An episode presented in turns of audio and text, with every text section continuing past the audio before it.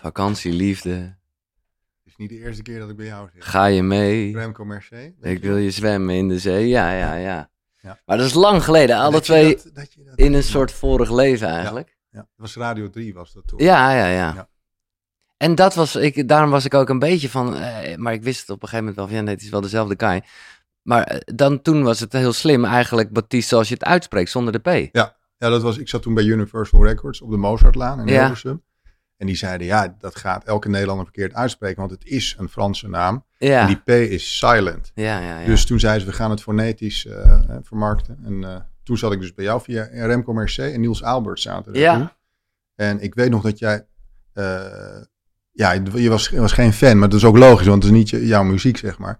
Je moet je voorstellen, ik ben in Antwerpen opgegroeid en mijn favoriete band is Deus. En die was er toen of zo? Nee, Oh. maar Dus ik weet niet of je een beetje de, de scene in België kent in Antwerpen. waanzinnig, ja, ja. Eh, dat is echt alternatieve muziek. Niet normaal, joh. Ja. Ehm, Gent nog meer eigenlijk misschien, maar... ja, Antwerpen ook, maar Gent Ja, ook. Hè? ja. Maar Deus is, is, is, is, Ja. is mijn band. Tom Barman is mijn Ja. held. Ja, Ehm, maar Tom Barman houdt ook van Phil Collins. eh, en, en, en ik hou dus ook van die... Ik hou ook van Patrick Bruel. Ik hou ook van Xander Bisonnier. Maar eh, snap je? Dus Ja, ja, alles ja. wat melodie heeft. Ja, En eh, ja, vakantieliefde was, eh, heb ik geschreven voor studentenfestival. Ja. En dat moest in het Nederlands binnen een bepaald thema. En ehm, ja, het was wel een uitdaging om, om, om een liedje te maken. Kijken of je zo, zo, zo, zoiets kon schrijven. Ja. En ik, ik wilde eigenlijk het helemaal in het Frans doen, maar dat mocht niet volgens de regels. omdat van het dat- ook een beetje Nederlands moest zijn. Ja, ja, ja, ja. eh, maar het was eigenlijk bedoeld als een soort Patrick Bruel. Dat is het, echt zo'n ja. zo'n chanson. Ja, Ja, ja, ja. ja. ja. Het was eigenlijk Cassé la Voix. Dat was ja. wat ik in waar iedereen meezingt Ja. ook. Ja, ja, ja. en dat heeft toen verbazingwekkend goed. eh, Niet normaal, man. Ja. Wat een hit. Ja. En nog Ja. die eh, met Guus, eh, ik wil met je lachen. God man, je, je, je bent goed voorbereid. Ja, maar ja. Hoe ik, weet je dat? Ja. Ik weet al. Nee, Ja. dat, ik weet helemaal niet alles. Ik weet juist heel veel niet. En daarom ben ik blij dat je hier zit. Maar ik vind het wel heel grappig, omdat, omdat het... Nou ja, ik weet niet hoe jij dat ziet. Eh, oh ja, ik bedoel, het is gewoon alle twee ook wie we zijn. Maar het voelt wel als een soort bijna ander leven of zo. Ja, ik weet dat jij heel anders was en ik ook. En we praten nu 2002. Ja. Dus dat is precies 20 jaar geleden. Twintig jaar geleden. En jij was heel anders en ik was heel Ja. anders. Maar ik weet nog dat ik daar in de studio kwam. Remco Mercé, die ken je ook nog. Ja, ja, ja. Een boomlange kerel. Ja. En eh, ja, dat moest allemaal eh, toen eh, de, de, in, het, in het programma gepoest worden. Jij En kende Lex toch ook goed, of denk ik dat?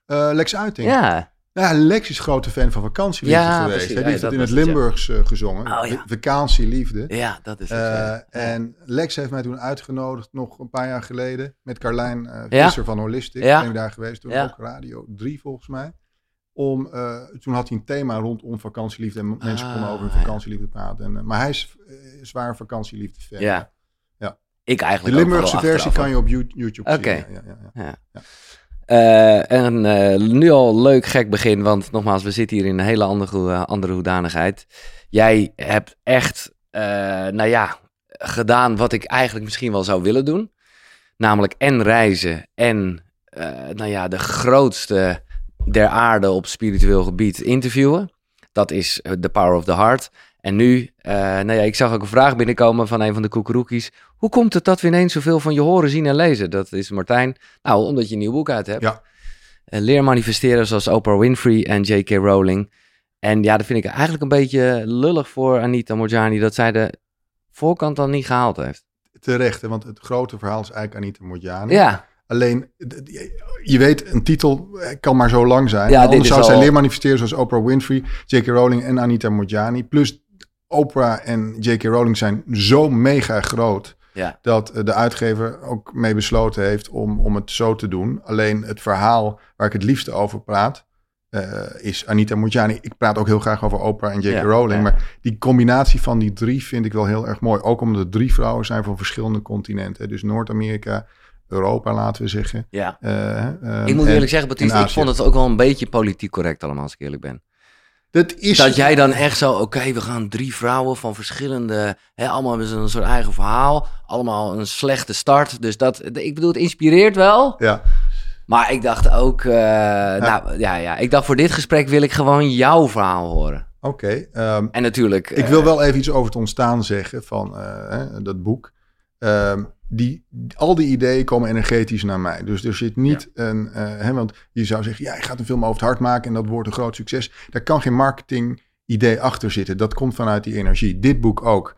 Ik was, eh, ik zag dat, dat eh, interview tussen Oprah Winfrey en J.K. Rowling.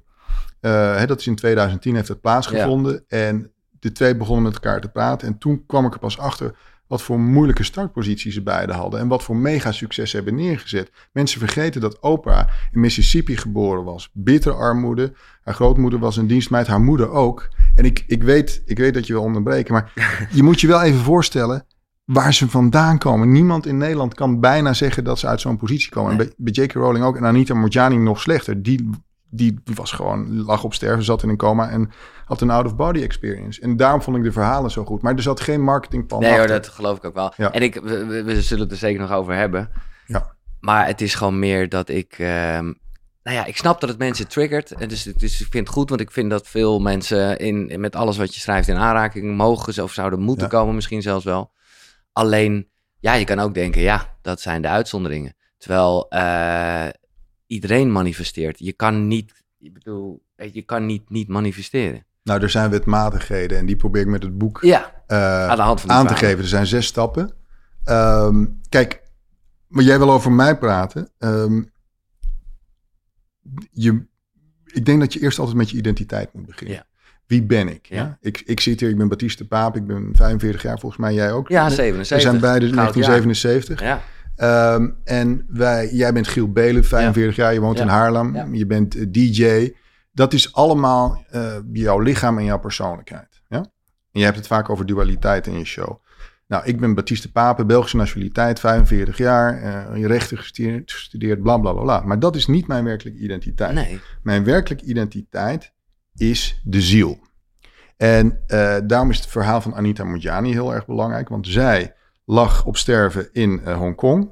Ze, had, eh, ze was in een coma en op een gegeven moment gaat ze dus uit dat lichaam. En in één keer ziet ze zichzelf, maar zonder dat Al filter die- van ja. die persoonlijkheid. Ja, ja, En wat ik dus heel interessant vind, is dat op het moment, want wij hebben het altijd over die dualiteit, op het moment dat we uit dat lichaam zijn, verdwijnt automatisch die dualiteit. Want die filter van ehm, je cultuur, je, je, je, je, je, je ras, je geslacht, verdwijnt in één keer. En je bent in één keer onvoorwaardelijke liefde en on, onbeperkt bewustzijn, oneindige intelligentie. Want ze had in één keer in 360 graden bewustzijn.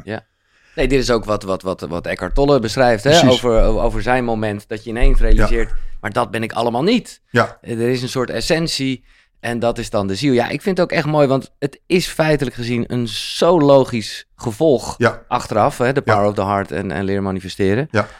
Even definitie eh, ding, maar dat, dat vind ik altijd wel met taal en ook een beetje de beperking daarvan. Ehm, nou ja, laat ik de vragen wat algemeen stellen. Wat is de ziel? De ziel is je werkelijke identiteit. En wat is dat? Eh, je hebt ook Pim van Lommel hier gehad. Ja, hè? Eh, precies. die zegt, nou, dat hoofd of die hersenen, dat is de, eigenlijk de interface. En hij vertelt ook verhalen waarin dus personen in één keer een volledig compleet bewustzijn ervaren. Eh, zonder dat ze gekoppeld zijn aan het lichaam. Mhm. Dus de ziel is dat bewustzijn, je werkelijke identiteit. De essentie. Ja, de- en wat ja. mensen ervaren wanneer ze dus los zijn van het lichaam, is het eerste dat ze dat ego of die persoonlijkheid niet meer hebben. En het tweede wat ze ervaren is dat ze 360 graden bewustzijn ervaren. Of je- je kan zeggen verhoogd bewustzijn. Dat betekent dus dat als ze aan iets denken of ergens naartoe willen, dat ze daar gewoon met hun gedachten naartoe kunnen. Heel concreet voorbeeld, Anita Morjani ligt in het ziekenhuis. Haar broer ehm, komt vanuit India naar Hongkong om, om haar sterven eigenlijk mee te maken. En zij, zij, zij, zij ziet hem op die luchthaven in India. Dus ze kan overal met haar bewustzijn Ja. naartoe. Een ander ding wat heel erg interessant is, is dat tijd niet bestaat. Dus wij denken altijd reïncarnatie, vorige levens. Het zijn allemaal parallele realiteiten. Dus je gaat naar een bewustzijn wat onvoorwaardelijke liefde is, oneindige intelligentie en waar geen tijd bestaat. En dat is jouw werkelijke identiteit, Giel. Ja, fantastisch. Ja. Het is allemaal, eh, er komen een hoop gesprekken hier samen Ja. in een paar zinnen. Dat doe je eh, mooi. Had de power of the heart ook de power of the soul kunnen heten? Ja, ehm, alleen toen het idee tot mij kwam, en er- ik weet dat je fan bent van Eckhart Tolle, het is helemaal door Eckhart Tolle gekomen dat ik dit ben gaan doen. Ja, Eh, jij zag een filmpje op een gegeven moment. eh Ja. was eigenlijk klaar om de advocaat te worden. Ja. Snelle jongen. Ja. Eh, Ja. En, maar niet tevreden. Nee, nou, kijk, ik denk dat dit- dit heel belangrijk is. Ehm, je kan een heel goed ontwikkeld hoofd hebben en heel intelligent zijn. Eh, maar als je dus een ziel hebt die wat anders wil gaan doen. Mijn ego, mijn persoonlijkheid wilde bij een groot advocaat op de Zuidas uh, gaan werken, partner worden, die carrière. En dat was mijn programmering. Alleen energetisch klopte er dus iets niet. En als jouw ziel iets anders wilt, dan gaat jouw ziel jou energetisch saboteren. En dan, dan klopt het aan de buitenkant wel, maar dan loop je op een gegeven moment tegen een burn-out aan of rij je tegen een muur aan, want je bent tegen ziel aan het vechten. En dan heb je dus een zwaar innerlijk conflict. En wat ik geleerd heb van de power, door de Power of the Heart en, en door iemand als Gary Zoekhoff, daar gaan we straks ook nog Ja. over praten. Ah, dat dacht ik al. Want, ik, want Ehm, de hart, ja. eh, hè, eh, Ja. als ik, we hebben een verschil tussen hart en ziel. Nou, hij legt dat mooi uit. De zetel van de ziel Ja. Ja. eh, is het hart. Ja, dus het hart is de zetel van de ziel. Maar wat Gary heeft gezegd, en ik denk dat dit heel belangrijk is voor eh, mensen die nu luisteren, is je, je, je hebt die persoonlijkheid of dat ego, dat is gekoppeld aan het lichaam. Op het moment dat je niet meer bij het lichaam bent, heb je daar geen last meer van. Maar die ziel is je werkelijke identiteit en die ziel is niet passief, die heeft intenties. Heel belangrijk. Dus als jouw ziel naar rechts wil en jouw persoonlijkheid wil naar links, dan komt er een heel groot conflict. En daar had ik dus last van, maar nu kan ik het wel eens beschrijven. En Gary Zoekhoff, eh, die, die zegt op het moment dat jouw persoonlijkheid, dus het lichaam en alles wat je denkt dat je bent, de energie van de ziel gaat dienen, dan gaat je leven stromen. Ja, maar het kost natuurlijk tijd voordat jouw persoonlijkheid gaat geloven in die energie van die ziel en die intelligentie van die ziel. ziel. En dat kan alleen door te experimenteren. En de Power of the Heart is mijn groot experiment geweest van vijf jaar, want ik wist niets over filmproductie. Ik wist niets over het hart. En vijf jaar lang heb ik dat traject moeten lopen Ja. om van niets, met niets, volledig niets, eh, die, die, die film te maken. En die ziel is ook nog eens heel erg ambitieus. Want wat ik vanuit mijn hoofd had kunnen bereiken was, nou, partner bij een groot kantoor op de Zuidas. Maar die ziel, die zei, nee, nee, we gaan een film maken. En ik had alleen een idee voor een film, maar er is later een boek bijgekomen, omdat er zoveel mat- eh, materiaal was wat niet in die eh, film kon. Ja. En die film is in 80 landen uitgebracht, in 45 talen. Dat is een ambitie die ik niet had kunnen bedenken. Nee. En, en daar, daarom, als je naar die ziel gaat luisteren, dan gaat je leven doorstromen. En dat is dus ook gebeurd met die drie vrouwen in het boek. Ja. En daarom zeg ik van, oh, ik, ik, wij gingen in 2008, eh, 2004 ging ik al naar Joe Dispenza, nu 18 jaar geleden. Eh, en nu is ieder, loopt iedereen daarmee weg. En nogmaals, ik ben een hele grote fan van Joe. Hij zit ook in het boek Mm. eh, The Power of the Heart.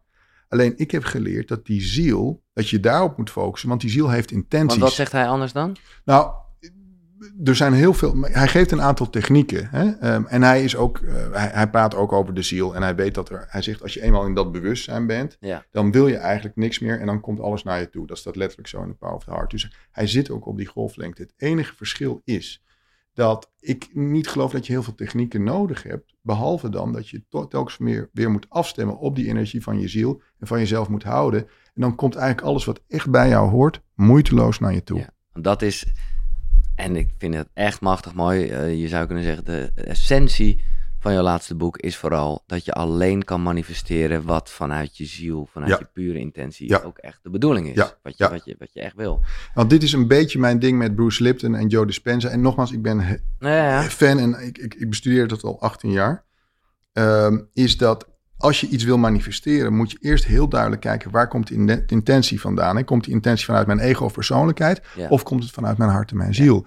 Want als het niet vanuit je hart en je ziel komt, ga je sabotage-energie ervaren, omdat dat niet is wat jouw ziel wil. Dus hè, je kan die auto willen, of dat meisje, of dat huis. Maar als jouw ziel zegt, nee Giel, jij moet nu eh, in een dorp eh, in de bossen gaan wonen, want dat, dat is wat ik wil. Ja, dan ga je dus sabotage ervaren om, om dat huis in Haarlem wat je misschien wil eh, hebben te krijgen, snap je? Maar kijk, dan ga ik gelijk de grootste vraag die ongetwijfeld veel mensen dan jou ook stellen. Ik zie hem hier ook binnenkomen van iemand, eh, heb ik op Instagram eh, een vraag gesteld. Volg Koekeroe Club trouwens, een nieuw account. Hoe kan je een nieuwe baan manifesteren als je nog niet weet wat voor werk je wil gaan doen? Dat is wat Lin zegt. Wat groter gezegd, jij zegt, luister naar wat de ziel van jou wil. Ja, ik voel hem helemaal voor de duidelijkheid. Maar ik, ik, ik merk ook vaak dat mensen dan zeggen, ja, hoe weet ik wat de ziel van mij wil? Het is heel erg belangrijk om te experimenteren. Ehm, ik wil even terug naar Eckhart Tolle, want die heeft het eigenlijk heel mooi verwoord. Ehm, ik ben op mijn pad gekomen toen ik besloot om niet op die Zuidas verder te gaan, maar dus een ander traject. Maar ik wist niet wat mijn doel in het leven Nee. was. En de vra- grote vraag is, wat is mijn doel in het leven op dit moment? En er was een gesprek met Oprah en Eckhart Tolle eh, in het kader van zijn toen laatste boek Een, een Nieuwe Aarde. Het is wel fantastisch overigens dat Oprah vanaf het begin dus eigenlijk bij jou Ja. Nou, ik noem het maar even groot ontwaking. Eh, hè, want dat was de tijd dat je ongelukkig was en je, Ja. je, je zet dat aan. Ja. Ja, en ze heeft ook geholpen. hè. Ik kan ook verhalen vertellen. Zonder haar waren bepaalde mensen niet in de Power of the Heart film terechtgekomen. Daar zullen we straks over hebben. Maar Oprah en Eckhart waren in, in, in gesprek over eh, De Nieuwe Aarde, een van mijn lievelingsboeken. Ja.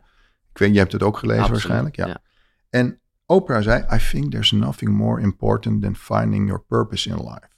En die video begon daarmee. Dus dat was precies op dat moment wat ik moest horen. Synchroniciteit. En Eckhart zei, yes, but you can't get there through thinking. Je kan er niet door het denken komen. Voelen. Ja, en hij zei: If you want to find the answer to this question, you can ask yourself: What do I want? Dus wat wil ik? Maar dat is dus het ego in zijn eh, Mhm. eh, woorden. Wat wil ik? Maar een betere vraag, een sterkere vraag, als je echt je doel in het leven wil vinden, is: Wat wil het leven van mij? What does life want from me? En dat is dus eigenlijk wat wil de ziel het leven. Want de ziel is hetgene wat leven geeft aan jouw lichaam. Wat wil de ziel van mij? En hij ging verder en hij zei: If you want to find an answer to, to that question, you have to look for moments of stillness. Exact. And the best way to find stillness is to go into nature. En hier zitten eigenlijk alle antwoorden in. Zolang je aan het forceren bent, aan het dwingen bent en het nu wil, is dat het ego. Ja. Ja. Maar als je de stilte opzoekt en je maakt contact met die energie, dan komen die antwoorden naar je toe. Maar je moet eerst in die energie zijn. Eckhart Tolle zegt: If you get the inside right, then the outside will fall into place. Dat kan je ook zien in het verhaal van Anita Morjani. Op het moment dat ze in dat oneindige liefdesbewustzijn komt, komen alle manifestaties na elkaar. Het eerste wat er gebeurt is dat in vijf weken tijd, hè, want ze gaat terug in het lichaam met die liefde, met, met, met dat bewustzijn. Binnen vijf weken is alle kanker uit haar lichaam verdwenen. Totaal medisch wonder. Het tweede wat er gebeurt is, ze krijgt een telefoontje van Wayne Dyer. Want Wayne Dyer heeft haar artsen gebeld. Eh, Zijn artsen hebben haar artsen gebeld. En hij wilde weten, is dit echt gebeurd? Ik wil de medische dossiers zien. Hij komt tot de conclusie dat het echt gebeurd is. Ze staan in Hongkong in dat ziekenhuis voor een medisch wonder. En hij zegt, ik wil dat je een, een, een boek schrijft. Dus dat is het tweede wonder. Wayne Dyer komt in één keer in haar leven. Het derde is, ze schrijft een boek via Hay House. En binnen eh, no time is dat een dikke New York Times bestseller. Vandaag is het ook nog een super bestseller. En, en ze zegt, ik hoefde er niets voor te Nee. doen. Het enige wat ik moest doen is met dat bewustzijn in contact komen. En dat is dus het antwoord op mijn vraag is, investeer al je tijd en al je energie in het contact maken met dat bewustzijn in stilte. Open je hart en ga jezelf meer lief hebben. En dan alles wat echt bij jou hoort, komt moeiteloos naar je toe. Ja, het is, het is eh, ja, in al zijn eenvoud. Maar ja, we zitten in, we leven op een gekke wereld waarbij stilte, nou ja, er ongeveer alles is behalve stilte. Maar dat is het. Ik vind het wel mooi dat jij die natuur ook echt zo benoemt. Dat, dat maakt het ook wel wat natuurlijker en, en wat, wat fijner om te doen. En is dat ook, ik stel wel vaak de vraag, eh, omdat ik het gewoon leuk vind om te zeggen dat je alles kan trainen. Hoe train je intuïtie?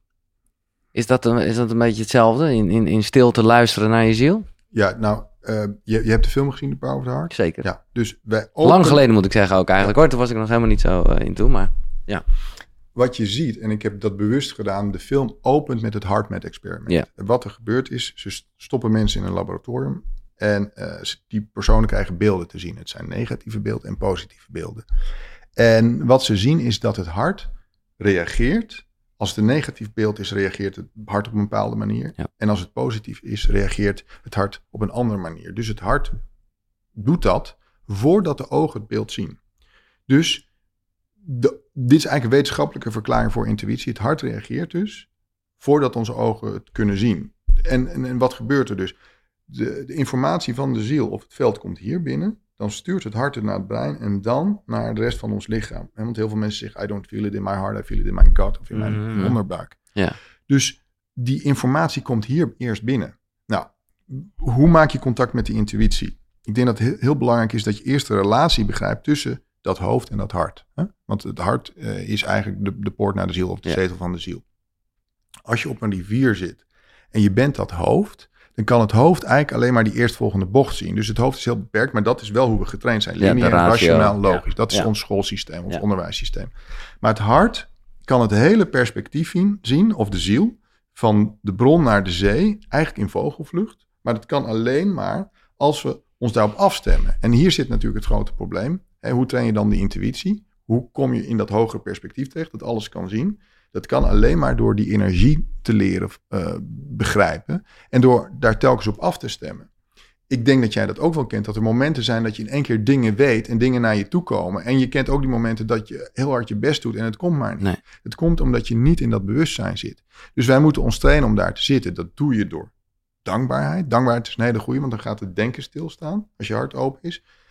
Uh, dingen te doen die jou in je hart brengen. Uh, Maya Angelou zei, ik, ik kom in mijn hart door te zingen of door te bidden. Ja. Paulo Coelho zegt, Dansen door, heb je ook door nog, te eh, schrijven. Ja, te schrijven, ja. Te dansen. Hè? Jij houdt van muziek. Als jij danst eh, en opgaat, je bent net op... eh, eh, waar, waar was je net? Ik zag het eh langskomen op Instagram. eh, Oh, Pinkpop bijvoorbeeld. Pinkpop. Ja, ja, ja. eh, dan, dan zie je gewoon, iedereen zit daar in een Ja. flow. ja. En niemand heeft iets nodig op Nee, moment. Ze zijn nee, gewoon aan het genieten en alles, Absoluut. alles gebeurt gewoon. Dus eh, dansen, eh, sommigen zeggen muziek maken. Eh, Jane Goodall zegt wanneer ik met, met dieren aan de slag ga. Ehm, die- kijk naar wat jou in die flow brengt. En dan kom je heel, heel erg dichtbij. Ik zat hier in de auto. Hè. Ik ben vanochtend vanuit Antwerpen gekomen. Ja, ik zit dan gewoon en bijna drie uur over gedaan door files. En dan hier in Haarlem kom je nog bij een bruggetje waar je een kwartier kan wachten. Ehm, ik zit dan naar Wayne Dyer te luisteren. Ja. Dat vind ik heerlijk. Ja. Eh, dan kom ik gewoon aan en ben ik eigenlijk in die flow. Dus alles wat jou in de flow brengt. Ja. En dat kan ook een, een spiritueel boek zijn. Ja. Of de, of de ja, ik, bedoel, ik denk dat heel veel mensen hier naar kijken. En dan in één keer na een twee uurtjes kijken... dat ze in één keer helemaal weer, weer zen zijn... en in, in, in, in, in dat hartgebied zitten. En dan komt de intuïtie vanzelf. Ja, nou dat zou ik een mooi compliment vinden. Of in ieder geval eh, dat het wat eh, teweeg brengt. Ja, wat ik mooi vind is dat jij ook het hebt over, eh, hè, want, eh, omdat je nu zo'n beetje flow aanstipt, dat er een groot verschil is tussen goed voelen versus een lekker gevoel hebben. En dat vond ik een hele goeie, omdat ik wel denk dat, eh, nou ja, genoeg mensen, als je bijvoorbeeld hebt over zo'n pingpop, heel erg bezig zijn met toch een lekker gevoel hebben. Dus daar wel allerlei middelen voor nodig hebben. Ja. En dat is, ja, dat is zoiets anders. Ja.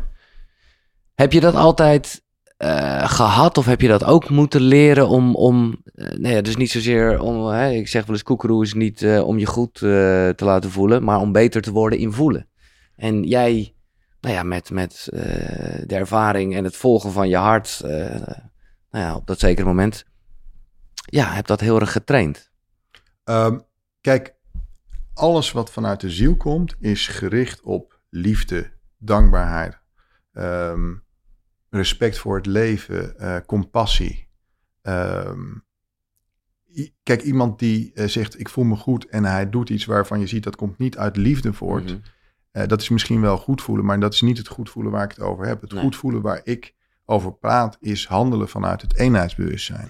En jij weet wat dat verschil is. Het, het, de uitdaging is dat alles waar wij over praten, is theorie tot je het een keer ervaren hebt. Hè? En daarom gaan mensen ayahuasca doen of bepaalde dingen doen, om dat te ervaren. Maar ik zeg, ga nou eens gewoon twee dagen, zet al die, die computers uit, die Mhm. laptop uit, je smartphone uit en ga eens drie dagen de natuur in. Dan kom je daar ook. Ja. Wij Heb, je die dingen, zo- heb je die dingen zelf gedaan eigenlijk?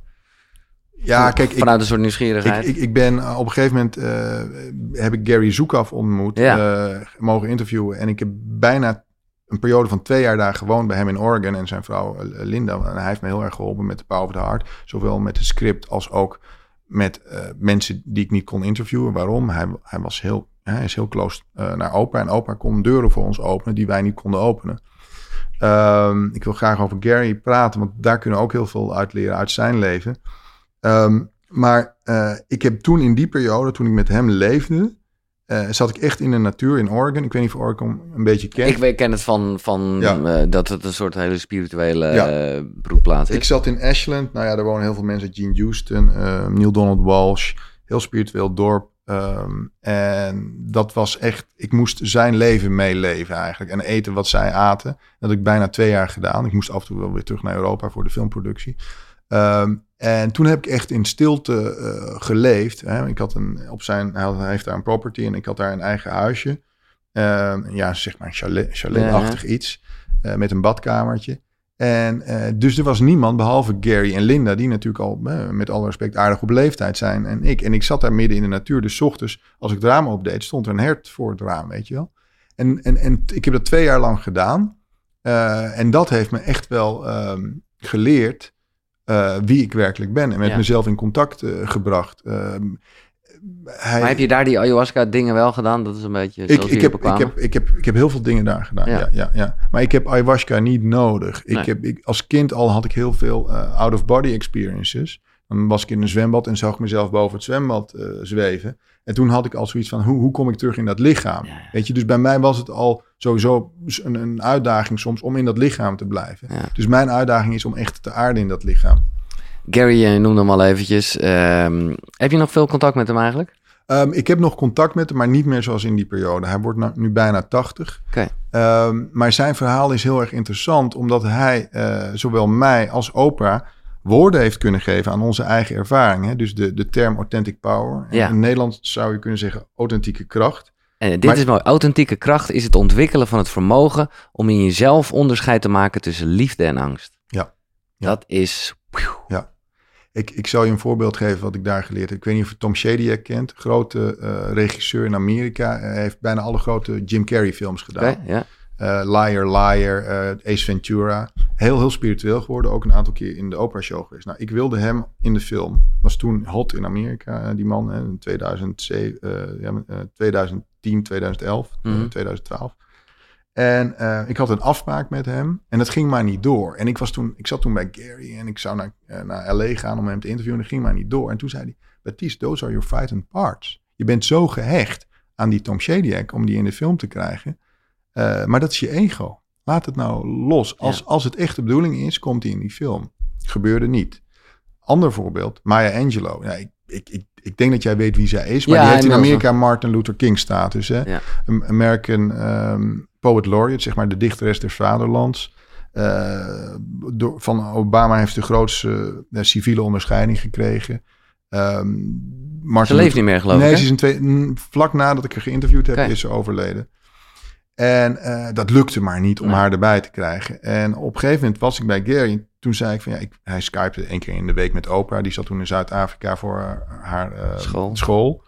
En toen zei ik, vraag eens of zij niet kan helpen. Want Maya Angelou, haar mensen reageren niet. En toen, ja, het was ook, ja, je wil bij koning Beatrix uh, in Amerika gaan, weet je wel.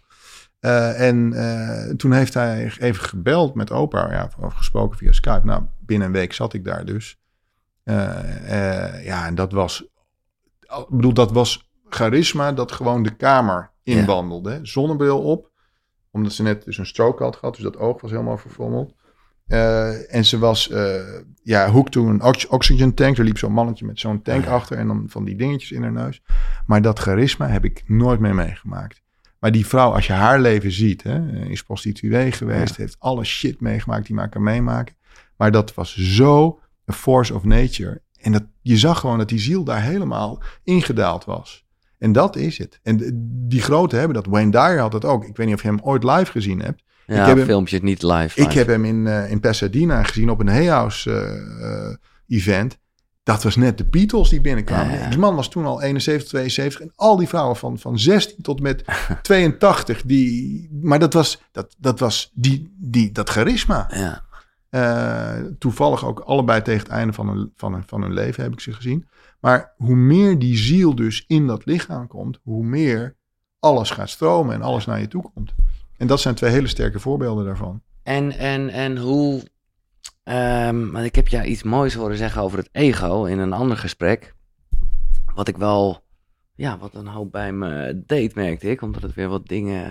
eh, Het begon een beetje te borrelen. Hoe zie jij het ego? Ik hoorde je daar zeggen, laat ik dat zeggen. Het ego zwemt in de ziel. Heel veel mensen hebben heel tijd last van het ego. Ja, Ja? En dat begrijp ik, want door de, dat ego ervaar je die afscheiding. Maar als die ziel dus helemaal in dat lichaam komt, of als die, of als die ziel uit het lichaam gaat, dus die twee dingen, dus Hmm. helemaal uit het lichaam, dan heb je geen last meer van het ego. Dat kan Pim van Lommel je vertellen. Dat kunnen al die mensen die uit het lichaam zijn geweest je vertellen. Want in één keer, kijk, je moet, je moet het ego zien als een filter die gekoppeld is aan het lich- lichaam. Dus in het Engels, het ego is een physical vantage point. Dus een, een, een, een, een fantasie, zeg je dat? Nee, een Oh. physical vantage point, dat betekent een fysiek punt van waarneming eigenlijk. ja, zo. ja? ja, ja, ja. Dus dat ego is altijd gekoppeld aan het lichaam. Dus hoe, als je dat ego wil oplossen, dat probleem, dan moet je dat dus oplossen door die ziel meer in dat lichaam te brengen.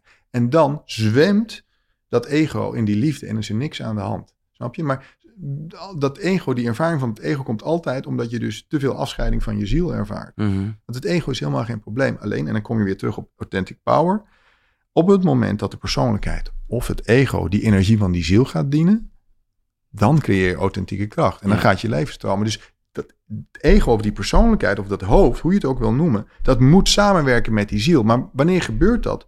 Dat daar heb je tijd voor nodig. En het kan alleen maar door te experimenteren. Wanneer je dus steeds meer ervaringen hebt, dat die ziel of dat hart Mhm. veel intelligenter is. Dus Ja. jouw eh, egootje heeft, moet zichzelf toestemming kunnen geven om in die ziel te gaan geloven. En je moet hun relaties snappen. Hè? Want wat er gebeurd is in onze wereld, in onze maatschappij, is dat ego heeft het overgenomen door het lineaire, rationele, logische onderwijs. Maar op het moment dat dus eh, het ego begrijpt dat die ziel meer weet, dan kan het ego zeggen: Oké, ik word jouw dienaar en de ziel is de meester. Mhm. En en wat er bij ons gebeurd is in onze maatschappij, is dat het omgedraaid is. En daardoor hebben we al die problemen die er Ja. zijn. Als iedereen in die, in die ziel komt, dan is het hier Planet Love. Ik zit helemaal weer in de cursus in wonderen. En, en ja, die, die eh, eigenlijk uiteindelijk komt het wel ja, inderdaad ook hier op neer. Maar die zeggen ook een beetje dat dat ego, nou ja, dat het, het eigenlijk niet bestaat. Wat ik dan altijd lastig vind, omdat ik denk, ja, maar ja, het we kennen allemaal wel het stemmetje in je hoofd. Ja. Of je ernaar luistert, is een tweede. Ja. Eh, maar Nou, wat ik jou toewens, ja, in, hè, en ik begrijp me niet verkeerd, is even dat je even uit dat lichaam gaat. Ja. Even een near-death experience hebt. ja, En dan voel je in één keer, ik ben niet Giel Belen. nee, maar dat, dat ik ben onvoorwaardelijke liefde. Ja, Ik kan met mijn bewustzijn overal naartoe. ja, Ehm, als ik me maar op liefde afstem, dan komt alles moeiteloos naar me toe. En als je, dan kom je weer in dat lichaam. Oh, ik ben weer Giel Belen met al de ego Mhm. eh, filtertjes die er dan bij horen. ja, En eh, het gaat erom dat we snappen wat het is. Met ego moet je altijd verwelkomen. Het probleem is dat het heel nee, precies. Dat ben ik En als je eens. zegt welkom, welkom, welkom. Alleen de ziel kan het ego verwelkomen. Het ego kan niets voor zichzelf doen. Nee, Alleen jij moet dus, en daar is Eckhart Tolle zo goed in, de observer worden van wat er aan de hand is. Want het ego is niet jouw werkelijke identiteit. Het bewustzijn daarachter is wie je bent. precies. En daarom, hè, al die gedachten die komen. Ik heb ook heel de dag gedacht. En dan denk ik, oké, laat maar denken. Maar ik ben niet die gedachte. Ons probleem ontstaat wanneer we ons gaan identificeren met het ego en de gedachten van het ego. Ja. En dat is wat met E- Eckhart Tolle gebeurd is. Eckhart Tolle zei, hè, die wilde zelf, was aan het promoveren op Cambridge. En die zei, I cannot live with myself anymore. En toen, So there must be two, an I and a myself. Ja, dat- en dat is zijn awakening geweest. En wat is hij toen gaan doen? Ik, ik heb drie dagen met hem mogen doorbrengen. Ja. Drie dagen met Eckhart Tolle. Nou, eh, niet veel mensen eh, kunnen dat meemaken. Het was ook niet gepland, maar het is gebeurd. Op Salt Spring Island. eh, daar kon, kon je alleen met watervliegtuigen komen. In zijn vakantie. Canada. woon- ja. British Columbia, Canada. Drie dagen met Eckhart en zijn vrouw Kim Eng. En ehm Eckhart privé is heel anders dan de Eckhart die wij... Ja? eh, dan, ja, dan, dan de ja, ik Eckhart ben die toch een wij beetje kennen. een fanboy, dus ik ben heel benieuwd eh, alles wat je nu gaat zeggen hierover. Nou, je hebt hem wel eens gezien in de doelen als hij hier eh Nee, ik heb hem, in nee, nee, nee, Rotterdam. nee, nee, nee. Nou, ik ken ik- al echt, ik, ben, ik verslind zijn filmpjes. Ik heb hem al verschillende keren gezien, maar onder andere ook in Rotterdam in de doelen. Ja, Als hij daar komt, hè, je, je weet met, met dat truitje van hem, Ja. daar gaat hij zitten. de doelen helemaal uitverkocht. Je kan een speld horen vallen. Ja. En wat doet meneer Tolle? Die zegt, oké, eh, kom maar binnen.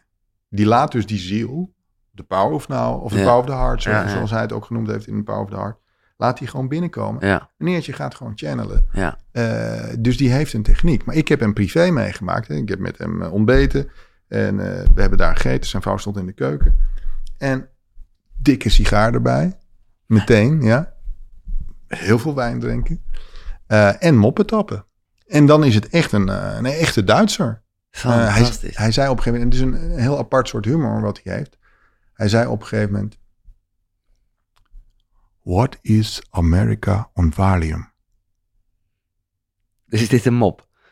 Nou, vroeg je aan Nou, mij. ja, wat is er weer? Ja, nou. Dus wat is Amerika Ja. op Valium? Nee, ik zei, nee, ik heb geen idee. En toen vroeg ik nog een keer, what is America on Valium? En ik heb geen idee. Hij heeft lang in Amerika gewoond. Daar heeft hij Power of Now grotendeels geschreven in San Francisco. En hij woonde nu in Canada. Ja. Dus hij zei, it's Canada. Nou, ja. die kwam dus niet meer bij en had die mop waarschijnlijk honderd keer verteld. Maar ik dat is dus twinkeling in zijn ogen ja, en het een ja, beetje schudden. dat, dat ken ik En dat is een ding wat, wat je alleen begrijpt als je in Amerika en Canada gewoond hebt. Want als je van Amerika naar Canada gaat, dat is een cultuurshock. Van hier tot Tokio. Amerikanen zijn heel erg, nou ja, Hè, eh, ja, zeggen wat ze denken, heel erg direct. En Canadezen zijn heel erg apologetic en super rustig en kalm. En ja, verontschuldigen zich constant voor alles.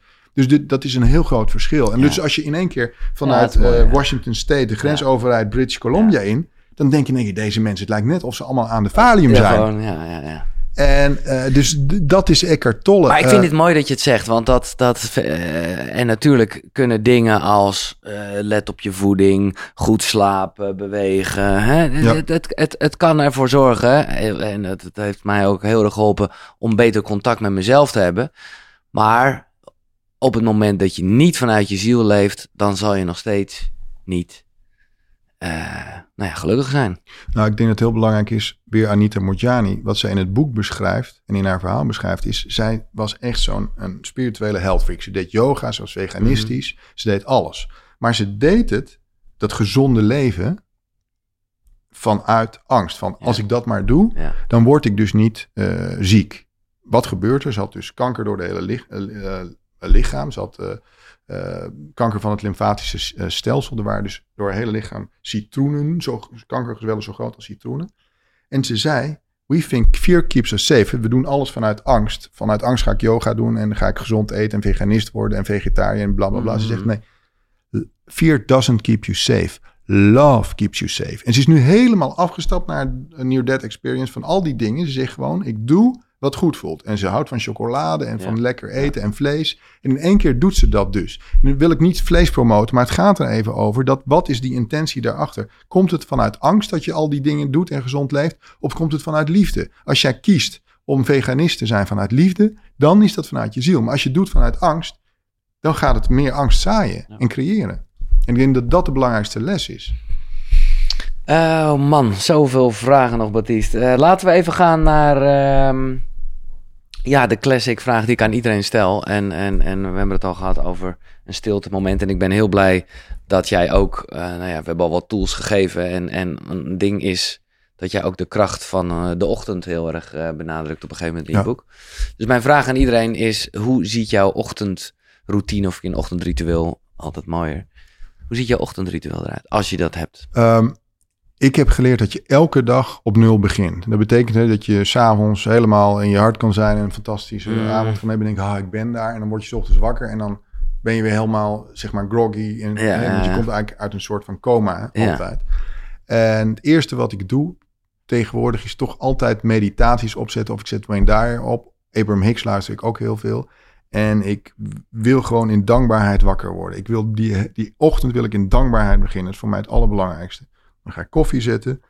Eh, maar dat, die eerste uur, dat eerste uur, dat moet in dankbaarheid zijn. Want ik wil in die flow blijven. Zo lang mediteren ook, dus begrijp ik. Ja, want ik, ik wil gewoon die stem horen. Want, als ik, want mijn stemmetjes, eh, die, dat egootje is Ja. heel erg actief 's ochtends Ja. bij mij. Van, ah, Oh, eh, oké. ja, en ehm, eh, ik wil dus een andere stem horen. Die stem van die ziel. En dus ik zet echt iets op, zodat ik Abraham Hicks, Wayne Dyer Ja. of meditaties heb. En ehm, ik wil die andere stem luider maken. Dus die, die, dat signaal van die ziel, die frequentie van die ziel, die moet hoger zijn. Dan gaat alles stromen voor die dag. Als ik in dat egootje blijf hangen, Mhm. wordt het moeilijk. En Maya Angelou zei het heel mooi. Every day you go to, to the heart. Every day uh, you say, teach me. En dat, die intentie wil ik vasthouden. Zo begin ik dus mijn dag. Oké, verder nog andere dingen? eh, wel of niet ontbijten, koud douchen, dat soort classics. je, Ehm, je kent het allemaal. Koud douchen doe ik s'avonds. Oké. Dus dat vind ik wel een goeie. Ik douche meestal niet 's ochtends. eh, vandaag wel, maar eh, omdat ik lang de auto in moest. Ehm, ehm, ik, ik, ik, ik ben wel bewust de hele dag bezig om in dat bewustzijn te blijven. Want ik weet gewoon, als ik daar niet ben, dan stroomt het gewoon niet. Nee. Dus het is voor mij een soort van... Kijk, op het moment dat je in dat bewustzijn bent, ervaar je heel de dag eh, hefboomwerking. Begrijp je? Dan hoef je minder moeite te doen en komt het meer naar je toe. En ik ben heel erg van laten dingen eh, naar me toe komen, eh, in plaats van dat ik ze wil najagen.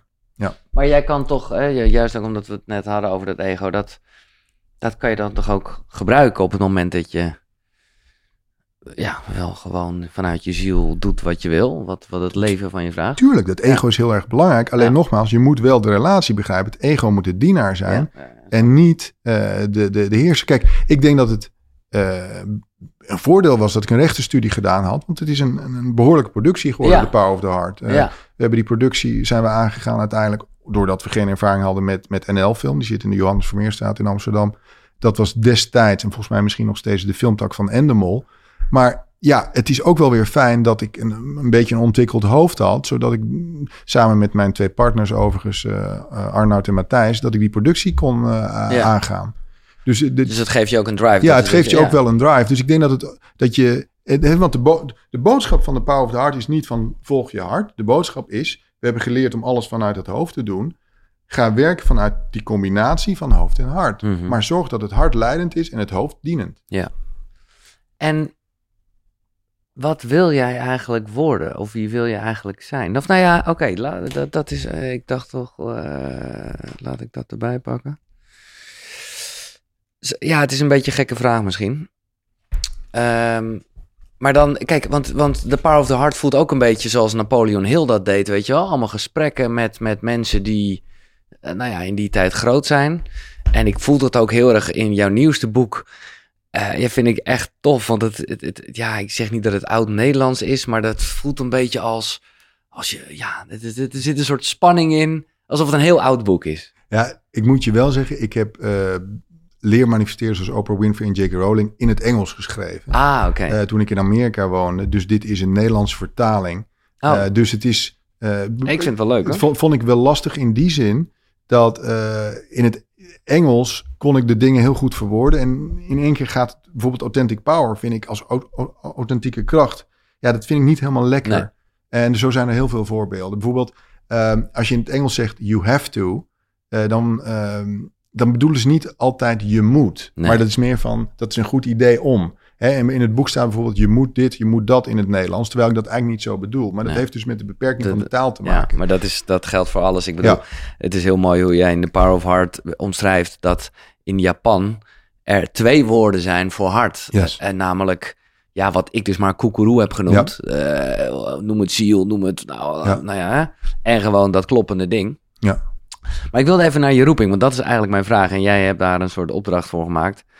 Eh, want dat is, dat ben ik wel heel benieuwd. Wat, wat, ja, wat is je doel in het leven? Nou, ik heb een aantal dingen opgeschreven, eh, als ik dat mag delen. Ja, zeker. Ehm, ik heb gisteravond nog een keer, voor de zoveelste keer, heb ik nog een, een nieuwe lezing gezien van Anita Morjani. ja, Ehm, mag ik al het boek erbij nemen? ja dat, natuurlijk heb Ja. als een van de drie Eh, boeken. Ja, ik bedoel, als ik één boek graag wil promoten, Ja, is het dit boek. Dying to be me. Ik zou wel tegen iedereen zeggen, lees het in het Engels. In het Nederlands zal het zoiets zijn als sterven om mezelf te worden. Mhm. Ehm, en zij is een van de grote inspiratiebronnen voor mijn boek Le- Leer Manifesteerders, zoals Oprah Winfrey en J.K. Rowling. En ik probeer eigenlijk alles te doen wat zij zegt. En, en nogmaals, hè, dus ze had kanker van het lymfestelsel. En op het moment dat ze in coma gaat, wordt ze omarmd door onvoorwaardelijke liefde. En heeft ze dus dat verhoogd bewustzijn. En ze zegt iets heel belangrijks. En ik denk dat iedereen dat moet horen. Ehm, ze, ze heeft heel haar leven had ze het gevoel dat ze iets moest doen om eh, voordat mensen van haar gingen houden, inclusief haar ouders en vooral haar ouders, ouders Mhm. wilde ik zeggen. En ze zegt, toen, toen ze in, uit dat lichaam was en in die onvoorwaardelijke liefde, voelde ze, I was loved just because I existed. I didn't have to do anything for it. Vervolgens tijd en ruimte bestonden niet, dus ze kon met haar bewustzijn overal naartoe. Dat heb ik al tegen Mhm. gezegd.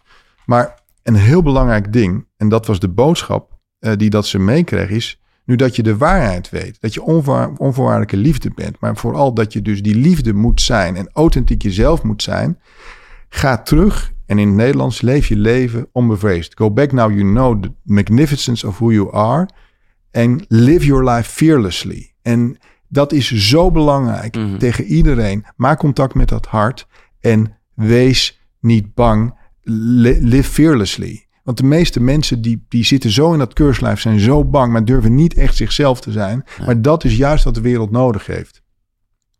Dus na drie weken, ehm, eh, ze, ze komt weer in dat lichaam terecht en na drie weken kunnen ze geen kanker meer vinden. Nou, medisch wonder. En Ja. na vijf weken mocht ze het ziekenhuis verlaten. En de lessen eh, die ze ons mee wil geven is, en dit is zo belangrijk. Ze zegt: It is extremely important to love yourself. It was the love I felt um, coming for me that saved my life. Nou, dit is zo'n open deur, hè? want Louise Hay zegt dat ook in al haar boeken. Maar dit krijgen we niet geleerd in ons onderwijs. Is jou ooit verteld in jouw opleiding en, en onderwijs? Giel, je moet in de eerste plaats van jezelf houden. En ze zegt, you have to love yourself because your life depends on it. En zij is daar het voorbeeld van. Uh, hè, want als ze niet van zichzelf was gaan houden of contact had gemaakt met die liefde, was ze er niet mee geweest. Um, the love dus dat bewustzijn told me I was deserving and worthy of being loved. En ze zegt, the secret, the greatest secret to a good life is loving yourself unconditionally first. Dus ze zegt, je moet eerst zorgen dat je, you have to fill yourself up with love en alleen van daaruit geven. Dat, en dit zijn hele simpele lessen, maar dit krijgen we niet geleerd. En die wilde ik vandaag aan iedereen meegeven. Um, een andere belangrijke les is: if you would love yourself, so many issues in your life would be solved and healed. Dus als je je maar richt op jezelf, op die afstemming met dat oneindige bewustzijn, die oneindige liefde, die hmm. onvoorwaardelijke liefde, dan zal je buitenwereld dat reflecteren. Jezus zei: um, Seek first the kingdom of heaven within, and then all else will be added on to you. He, kingdom of heaven, uh, Jezus sprak in het Aramees, zou je kunnen vertalen als bewustzijn. Dus zoek eerst het bewustzijn en dan komt alles naar je toe. Eckhart Tolle zegt, if you get the inside right, then the outside will fall into place. Zo'n belangrijke les. Ehm, maar ik, ik, ik, eh, ik, jij komt hiermee omdat ik jou de vraag stel... Wat is je roeping? En is dit eigenlijk jouw antwoord? Dit, dit zijn de antwoorden. Kijk, de, mijn, mijn roeping, zowel bij de Power of the Heart als dat boek... dat is energetisch naar mij toegekomen dat is niet vanuit mijn hoofd gekomen. Nee. Power of the Heart. Ik had helemaal niet de juiste papieren om Power of the Heart te doen. Ik was jurist, ik wist niets van filmproductie, ik kende niemand in filmproductie en ik wist echt niets van het hart. Maar toen ik die energie voelde, is het is net zoals verliefd worden. Dat ken jij ook. In één keer zie je een vrouw, je wordt verliefd en alle, al voor- en nadelen en afwegingen tellen niet meer. Dat, en dat is die energie. En dat is ook wat zij beschrijft. Als je in één keer contact maakt met dat bewustzijn, dan heb je 360 graden ja. zicht en weet je gewoon dat je die energie moet volgen. Dus de power of the heart gaat over het volgen van die energie van die ziel. En hoe, hoe kom je daar? Telkens als je een, een, een, een energie voelt of als je een keuze moet maken, dan kan je zeggen, oké, ik ga naar links, hoe voelt dat? Ik ga naar rechts, hoe voelt dat? En dan zal je zien dat die energie iets tegen je probeert te vertellen. En dat moet je ontwikkelen. Als jij een instrument, viool is een heel goed voorbeeld. Als je dat leert, is een hele subtiele subtiel instrument, cello ook. Ja, dat, dat, dat is voelen, dat is experimenteren en dan kom je daar. Dus dat is de manier. Ook nog heel belangrijk, en ik, dit is als antwoord op die vraag hoor. Other people love you and value you the way you love and value yourself. Dus alles is een reflectie van jouw afstemming op dat bewustzijn. Dat is echt zo. In één keer gaan mensen jou waarderen. In één keer gaan mensen van jou houden. Waarom? Omdat jij afgestemd bent op je ziel. En zij voelen dat. Dus je gaat frequency, frequency specific hmm. people aantrekken. En ik denk dat jij dat weet. Sinds jij Kokoro bent gaan doen, is jouw leven totaal veranderd. Absoluut, ja. ja. Omdat je meer bent afgestemd. En je, je gaat meer om met mensen die afgestemd zijn op dat bewustzijn. En deze is heel belangrijk. Uh, en daarom is jouw show ook zo belangrijk. Of je, jouw podcast. Our planet suffers from lack of self-love. Het is, want we zeggen, ja, de wereld heeft liefde nodig. Nee, wij hebben self-love nodig. Mhm. wij, wij kunnen niet aan andere mensen werken. Wij moeten aan onszelf werken. En ik weet dat iedereen dit wel in Louise Hay gehoord heeft of zo. Maar dit zijn de dingen waar iemand die dus in die andere wereld geweest is, in dat andere bewustzijn geweest is.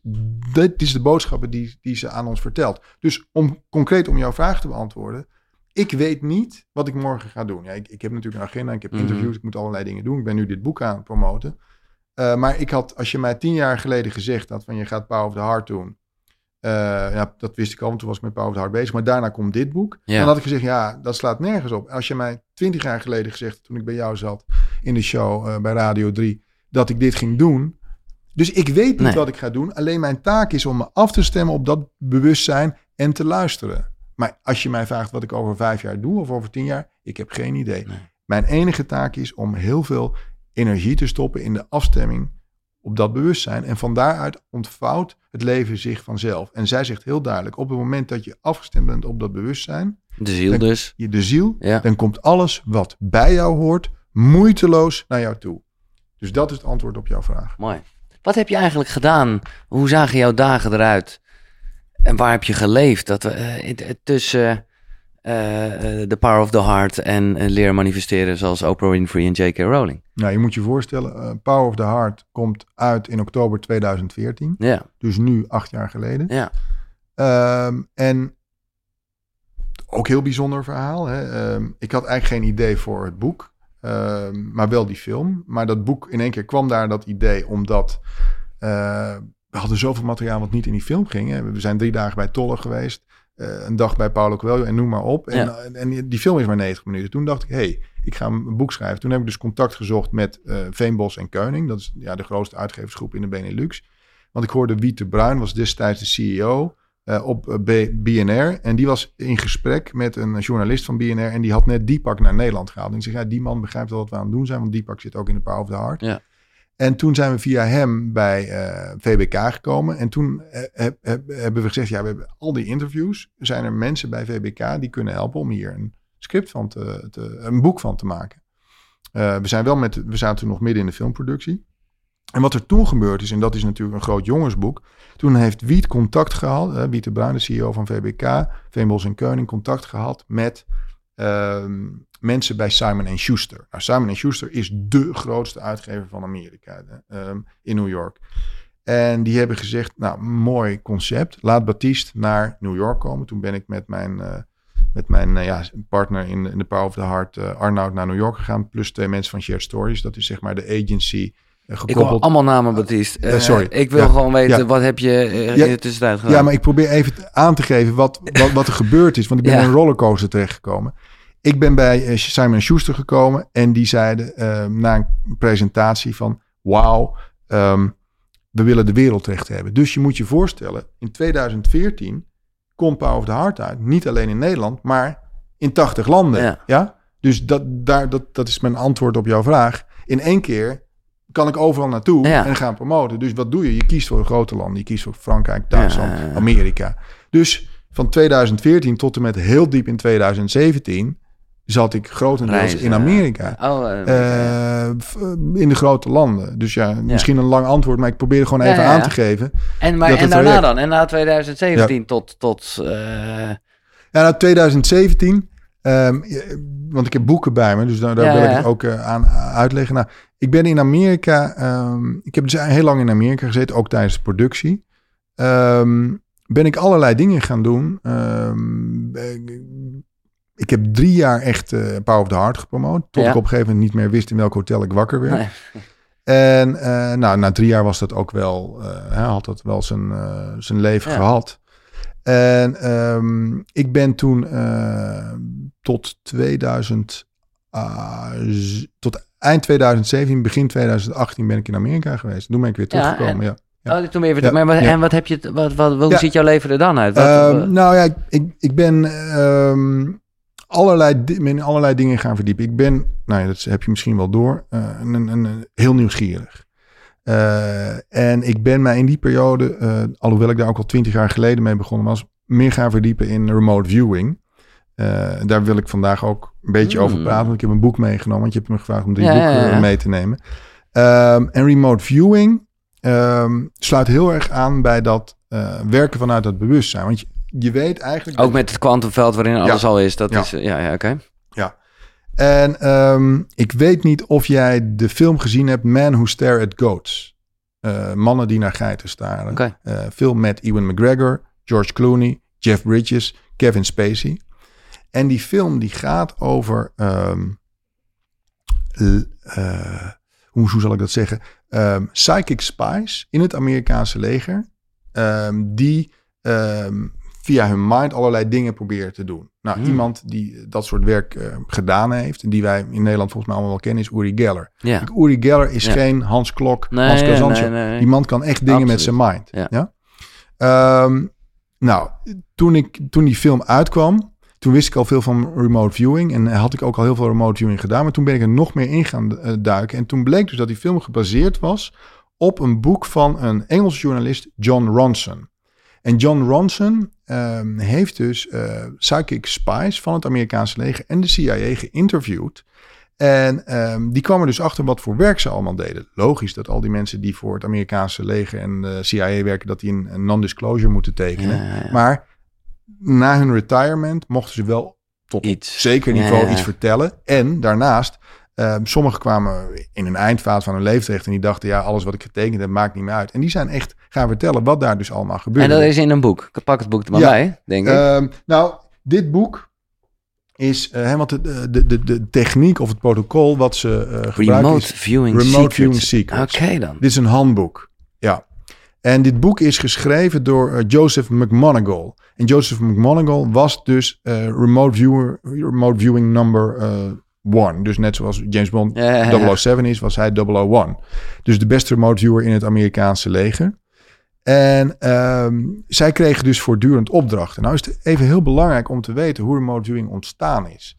Um, tijdens uh, de Koude Oorlog, en laten we nou even zeggen dat dit afspeelt even begin jaren 70, dat uh, remote viewing echt actueel wordt in Amerika, um, komen de Amerikanen erachter dat ze steeds meer informatie aan de Russen aan het verliezen zijn. En ze weten niet hoe. En het Pentagon stelt een commissie in om dat te onderzoeken. En ze komen tot de conclusie dat um, de Russen miljoenen, tientallen miljoenen investeren in de opleiding van psychic spies. En um, zij geven vervolgens vanuit het Pentagon opdracht aan twee mensen werkzaam op dat moment aan Stanford University, twee laserphysicists, Hal Puthoff en Russell Tark, de opdracht om te onderzoeken uh, of zij ook een eigen team konden bouwen voor, voor Amerika eigenlijk. De eerste man die ze interviewen, um, daarvoor is Ingo Swan. En dat is eigenlijk de Rembrandt, de Picasso van uh, zien op afstand. Your Nostradamus ja, factor. Na Nostradamus factor, ja. Nou, Ingo Swan, ook overleden. Uh, ik heb hem nog mogen ontmoeten, maar die man... Je kon uh, iets in een doos stoppen en hij, hij wist wat het was. Dat ja, deed ja. hij wel door te tekenen. Dus zijn onderbewustzijn tekende ja. Een heel gifted kunstenaar in New York. heel erg kleurrijk figuur. je kan nog video's zien op YouTube. Al zijn boeken, uh, die, die zijn mindblowing. En hij uh, werd dus naar Stanford University gehaald om onderzocht te worden. En uh, nou, ze, deden, ze zeiden, oké, in de next room, wat is daar? Nou, en hij, hij, wist het. En ze gingen hem allemaal, testen. Op een gegeven moment uh, liet ze hem dus dingen in een doos zien en nog eens. En op een gegeven moment werd hij zo boos. En zei hij, if you want to see what's in the goddamn box, open the goddamn box. Give me something more interesting to do. Dus die man was geïrriteerd. Hij zei, dit is allemaal zo ja, makkelijk. Dus toen gaven ze hem dus coördinaten van een plek ergens. En toen zei hij, oké, okay, nou wordt het leuk. En hij vertelde gewoon wat er was. Maar die man was dus helemaal afgestemd op dat bewustzijn waar we het net over hadden. Ja. Waar, hè, waar Anita Mojani was. Dat oneindig bewustzijn. Ja. En waar toen... mensen dus meestal in zijn, hè, met een soort ja. bijna doodervaring. En dat is dan van tijdelijke aard. Ja. Ja. Maar hij uh, had de kracht om daar altijd op in te tunen. Ja, hij had de kracht om het al, juist omdat hij zo'n goed, goed kunstenaar was. Mm. Hij channelde het gewoon. Maar hij had de techniek ontworpen voor zichzelf om dat te doen. Dus toen hebben ze tegen hem gezegd, uh, die twee uh, hoogleraren van Stanford, Russell Tark, hè, dat waren laserphysicists. Russell Tark en Al Puthoff hebben tegen hem gezegd, oké, okay, wij gaan een protocol ontwikkelen voor de CIA en het Amerikaanse leger. Hoe zij dit ook Zodat kunnen. wij in het kader van die Koude Oorlog een tegenkracht hebben tegen die Russen. Bleek nou, onderzoek dat de Chinezen het ook al lang deden. Dus dit is allemaal in het kader van de Koude Oorlog ontstaan. En er is een protocol ontstaan. Um, en dat is heel subtiel. Iedereen kan het. Maar ze moesten dus mensen gaan zoeken in het Amerikaanse leger die daar talent voor hadden. Uh, en toen bleek dus mensen die bijna doodervaringen gehad hadden. Heel veel hè, in die tijd Vietnam-veteranen. Die dus in Vietnam een bijna doodervaring ja, die hadden het luikje al open. Die hadden dat luikje al openstaan. Ja. Mensen die creatief waren, dus mensen die schilderden, tekenden of een instrument bespeelden. Dus alles waar het rechterbrein ontwikkeld was en, en inderdaad waar het luik al open was. En die werden dus gerecruiteerd in het Amerikaanse leger. En toen is daar een unit ontstaan. En ik, ik weet zeker, als jij die film ziet, ja. Sterner, ik ben een hele grote fan van Jeff Bridges. Ik denk jij ook. Ja, ja, ja. Die film is zo goed. Alleen, daar hebben ze natuurlijk een comedy van gemaakt. Ja. Maar het is gebaseerd op realiteit. Daar gebeuren dus allerlei hele bijzondere dingen als hè, wat, wat is uh, volgens mij Khrushchev in die tijd aan het doen. Uh, wat is Saddam Hussein aan het doen? Wat is Gaddafi aan het doen? Dat ging en jij bent dit, ik bedoel, je, ik, ik, ik hoor dat je hier helemaal van overloopt op een goede manier. Dus heb je hier, uh, kan je het een beetje? Ja, nou, ik, ik was als kind, had ik een heel groot talent voor tekenen. Uh, ik, heb een, ik heb maar heel weinig talent voor muziek. Uh, nou. Maar, maar nou, nee, nee mijn, mijn, mijn, mijn grote talent is, was als kind tekenen eigenlijk. Um, en dus toen ik dit ging doen, was het, dat was het juiste instrument voor mij, als je begrijpt wat ik bedoel. En uh, dat protocol um, helpt je om eigenlijk wat, uh, ja, met Roy Martina, nou jij kent ja, Roy ook goed. Hè, ik vraag altijd aan Roy, wat, is de ziel en het onderbewustzijn hetzelfde? Maar hij zegt, ja, dat is eigenlijk een soort overlap van die twee. Hè, daar ben ik ook nog niet helemaal uit hoe dat zit. Ik ben meer van de ziel, maar dat onderbewustzijn is er wel degelijk. En dat is volgens mij helemaal aan elkaar gekoppeld. Maar wat het doet is die informatie van onze ziel slash onderbewustzijn brengt remote viewing via dat protocol op papier. Dus je gaat de dingen op papier zetten. En dus, dus al die informatie die in het veld is, die krijg jij dus op papier. Uh, ja, en dat ben ik toen gaan doen. Uh, en ik ben dat toen gaan doen met een bevriende remote viewer. En toen ben ik ook in Amerika daar cursussen in gaan geven. En ja, ik heb dingen meegemaakt. En dan komt dus de synchroniciteit naar je toe. Uh, ja, die mindblowing zijn. Um, ja, dat heeft, ik, ook wel iets engs hebben, of hoe zeg je dat? Ja, het, het, het, is heel eng, want daar, het is allemaal in het kader van uh, ja, ja, spionagediensten. Ja. Aan de andere kant, als je gewoon ziet dat het protocol ontwikkeld is door een, een, een echte hardcore kunstenaar uit New York, die dat al heel zijn leven kon. Ja. Ook ja, uh, nadat hij bepaalde ervaringen gehad heeft. Maar dat, dat kostte veel tijd om daar dan weer verder op in te gaan. Maar die heeft ook dat luikje een paar keer bij hem geopend. En in één keer kon hij dit. Die had helemaal niets met die spionagedienstenwereld en het Pentagon te maken. Die deed dat gewoon voor zichzelf. Die man kon, wanneer die maar wil. Ja, kijk, de, de loterij remote viewen is, dat is de hogere wiskunde in het remote view. Want je moet dan zes dingen goed zien. Maar hij kon, je hebt, je hebt, in Amerika heb je allerlei uh, dingetjes van twee getallen of zo. Dat kon hij doen wanneer hij maar wil. Die kon ook een casino inlopen. Zeggen nou om uh, half twee kom ik dat casino in. Dan gaat op die roulette tafel gaat dat getal vallen. Dat was voor hen gewoon easy peasy. Ja? Maar waarom vind ik het zo interessant? Omdat dit dus iets is wat we allemaal kunnen. Ja. Maar dat wordt wel gewoon bij ons weggehouden. Dit wordt hier zijn ze mee bezig op Princeton, Peer, dus het Research Lab van Princeton. Uh, Roger Nelson is daarmee bezig. Washington State heb je Steven Schwartz, dat is ook een van zeg maar, de vaders van remote viewing. En dit hele protocol is ontwikkeld op Stanford Research Institute, wat nu niet meer bestaat, maar het is wel gekoppeld aan de Universiteit van Stanford. Ja, en dit is dus van, oké, je hebt dit bewustzijn ja. en wat kan je er dan mee doen? Ja. En nu geef ik hier ook cursussen in.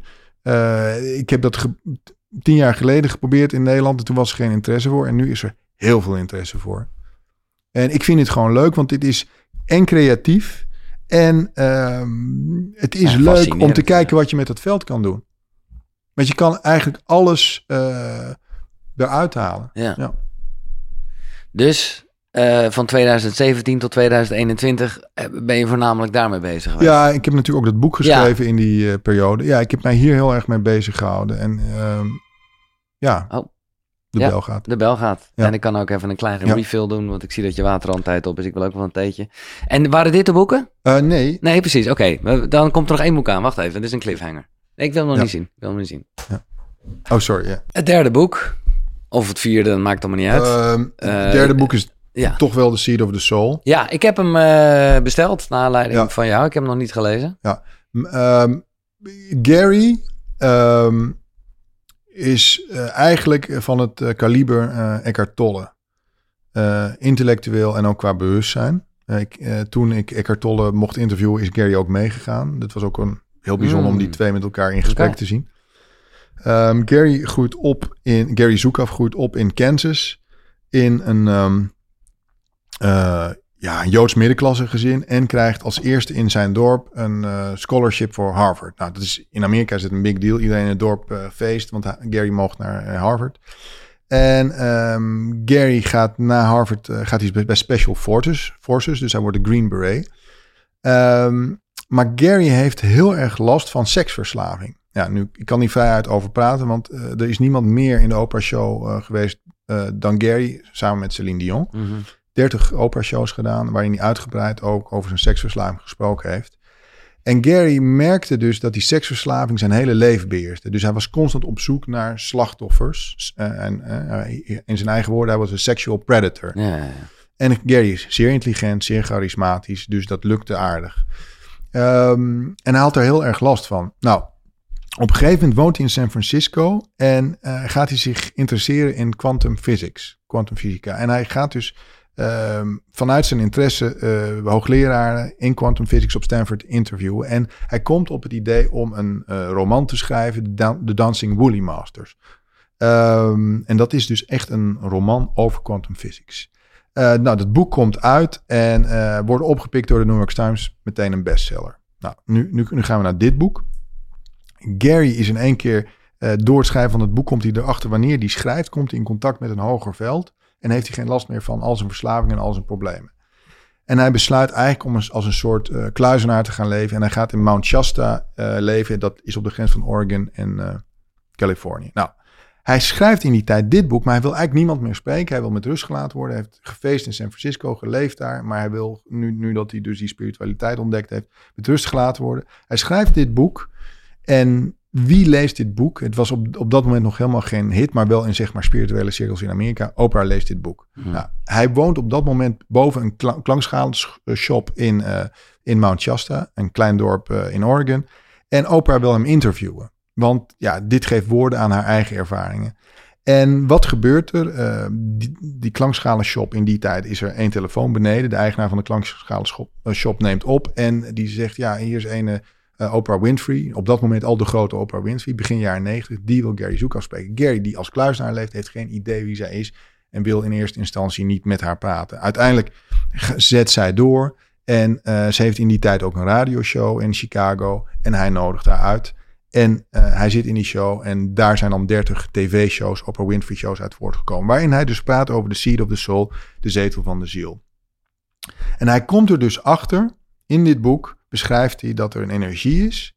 Uh, en als je daarop afstemt, uh, dan gaat eigenlijk je leven stromen. En dan leef je vanuit dat, die hogere intelligentie. En hij noemt dat dus, hij had het al eerder over authentic power. Dat is dus wanneer jouw persoonlijkheid die energie van die ziel gaat dienen. En wat hij dan merkt is dat dingen gaan stromen. Mensen komen in je leven, je ervaart synchroniciteiten. Maar je hebt ook geen last meer van al die nare dingen die bij het ego, of nee. wat hij noemt, uh, de frightened parts uh, of your personality. Dus de angstige delen van je persoonlijkheid. Uh, Eckhart Tolle zou het het pijnlichaam noemen. Ja. Hij noemt het de frightened parts of the personality. Dus wat ik zo goed vind aan dit boek, dit is het boek uh, over authentic power. Um, dat als je dus op die ziel afstemt, dat niet alleen heel veel van je zeg maar negatieve aspecten uh, verdwijnen en je geheeld wordt door die energie, maar dat je dus ook in die flow van het leven komt en dat je gaat doen wat je moet doen. Dus uh, zou je eigenlijk kunnen zeggen dat dingen als ja, verslavingen, op welke manier dan ook, of dat nou uh, uh, roken, spuiten, slikken is, ja. of heel erg met je telefoon bezig zijn, dat dat allemaal is omdat je niet vanuit de, de, de essentie van je ziel leeft en daar een soort ongemak doorkomt? Dat komt omdat je, hè, you are disconnected from your soul. Je bent van je ziel afgesneden, van je werkelijke identiteit. En die leegte voelt als zeer pijnlijk. En het ga je dus opvullen met drugs, ja. seks, ja. um, al die dingen. Ja. Um, en, en dat is gewoon, op het moment dat je helemaal in liefde bent, dan wil je alleen nog maar vanuit die puurheid die liefde geven. Want dan ben je vol van liefde. Hey, Jezus zei het ook, uh, God is love and he, he who dwelleth in love dwelleth in me, in God dus. Dus dat is ook de boodschap van Anita Morjani. Als je dus maar zorgt dat you, that you are filled up with love, dan gaat de wereld ook van je houden. En anders is het vanuit, ik heb iets nodig om die leegte op te vullen. Mm. En dan heb je dus al die verslavingen. Ja. Misschien herken je het, ik weet het niet. Ja, ja, absoluut. Absoluut. Waarom vindt Oprah dit zo goed? Hè? Ze heeft ook een voorwoord geschreven. En Maya Angelou trouwens ook. Waarom is Oprah zo'n fan van Gary Zukav en Eckhart Tolle? Om deze reden. Eckhart Tolle heeft gezegd, als je wil weten wat je hier te doen hebt, moet je niet vragen wat wil ik, maar wat wil het leven van mij. Oprah in Mississippi als jong meisje, lid van de Baptist Church, had niet veel, om voor te leven. As poor as you can be without having a roof over your head. In haar eigen woorden, fat and ugly. Moeder, dienstmeid, grootmoeder, dienstmeid. En haar grootmoeder was, was aan het ophangen en zei... I hope you find yourself some nice white folks to ja, work for. Dit vind ik een mooie, een mooie scène uit het boek inderdaad. Ja, ja. Ik heb hier inderdaad nog wasvouwen opera. Ja. Omdat, en dit vind ik krachtig namelijk, eh, omdat zij op dat moment al besluit, ik wil niet, ik wil dat niet worden. Ik wil niet de was gaan vouwen voor, bij andere Nee. mensen. Nee. Maar waar zit hem dat in? Dat is dit, want dit is wel een soort essentie waarbij je denkt, ja, hoeveel mensen zullen niet toch denken, ja, weet je, mijn moeder zegt het. Of, De- dat is dus de programmering. Als zij de programmering van haar grootmoeder en moeder gevolgd Ja. had, dan had, was zij ergens in Mississippi een dienstmeisje geworden. exact. Maar er was dus iets in haar. Maar ik denk dat haar grote voordeel was, en dat, dat zijn haar eigen woorden. Ze had, she, she realized that she didn't have a lot to live for. Dat ze eigenlijk bijna niets had. Dus ze dacht van ja, oké, dit wordt die dienstmeid. Maar ze was wel gelovig. Hè? Dus ze bad tot God en ze zei, omdat ze niet veel had. En ze zei van ja, dit leven, dat, dat is eigenlijk geen leven wat ik wil eh, leven. Ze zei, nou komen we bij Eckhart Tolle. Ze zei, God, use me, use Ja. me. Moet je je voorstellen dat je als jong meisje vanuit een puur hart zegt: gebruik mij, gebruik mij. Dat heeft zij gedaan. Wij denken dat het de American Dream is, maar als je werkelijk naar Mississippi, in die tijd de meest racistische staat. Zij woonde ongeveer in een hutje. Mhm. Hoe kan deze vrouw zo invloedrijk worden? En, en, en, en dat, dat kan alleen maar doordat daar een grotere kracht in, ingegaan is. Want die meeste mensen die daar zitten, die komen daar dus niet meer uit. Nee. Snap je? Ja. Ik denk dat dat belangrijk is. En, en, en Eckhart Tolle, eh, toen hij zei, wat wil het leven van mij? Toen had ze zoiets, ja, maar dat is use me, gebruik mij. Dat Ja. is niet wat wil ik. Wat wil die hoge energie van mij? Dat heb ik ook ervaren, echt wel, Giel, ik bedoel, het was voor mij ondenkbaar dat ik een, een boek in 80 landen zou uitgeven. Vanuit, met alle respect, het kleine eh, Nederland. Mhm. Hè? Want als ik in New York aankom, ah, daar is die jongen uit Denemarken, weet je wel. Ik bedoel, zo, zo zit het wel in elkaar. Ja, dus... Oh, sorry, ik onderbreek eventjes eh, dit fijne gesprek. Maar dat is vanwege iets dat met boeken te maken heeft. En ja, ik hou van boeken. Ik hou van verhalen. Van lezen, maar ook van luisteren. Vooral als je onderweg bent of gewoon, pff, nou ja, weet ik veel wat aan het doen bent. En ik heb nu iets stof met de vrienden van Next Story. Daar vind je echt op die site, jongen, 300.000 boeken. Dus ook zeker de boeken die net besproken zijn. En ik mag je nu, en dat is echt wel een toffe actie, 50 dagen gratis aanbieden. Ja, die gasten die geloven gewoon wel eh, in zichzelf. Dus die denken, oké, dan hebben we ze. Maar dat kan je echt even checken. Eh, ga naar koekeroe.nl slash boekenkast. Daar vind je sowieso alle boeken die besproken zijn eh, nou in de afgelopen afleveringen. En daar vind je dus ook een link. En via die link kan je 50 dagen gratis Nextory gebruiken. Check het, koekeroe.nl slash boekenkast.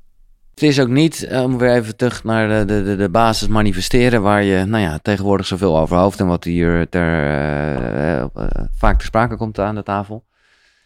Eigenlijk benoem jij ook ergens, wij noemen het heel erg wet van aantrekking, maar het is veel meer van toelating. Het is die overgave aan, De, af, het afstemmen op. En, Ja. en hoe doe je dat? Hè? Dat is een hele goede vraag. Zij zegt dat je actief van jezelf moet houden. Dus ga voor die spiegel staan. En ga nou eens een uur van jezelf houden voor die spiegel. En ik zeg, ik hou van je. Nou, de meeste mensen nemen die tijd niet. nee, Maar als je dus blijft kijken, dan zie je op een gegeven moment zie je nog steeds dat lichaam, Giel. Maar dan zie je, hé, er zit wat anders in dat lichaam. Probeer dat te activeren en daarop af te stemmen. Een ander die heel goed werkt is dankbaarheid. Want waarom? Als je echt dankbaar bent, dan gaat dit stilstaan. ja, En dan komt die ziel vanzelf naar boven drijven. Maar ik denk, kijk, op het, synchroniciteit is zo'n belangrijk woord. Het is uitgevonden door Carl Jung. En dat zijn die momenten wanneer je voelt dat je door iets groters gedragen wordt. Dat er een bedoeling, dat er een kracht achter alles zit.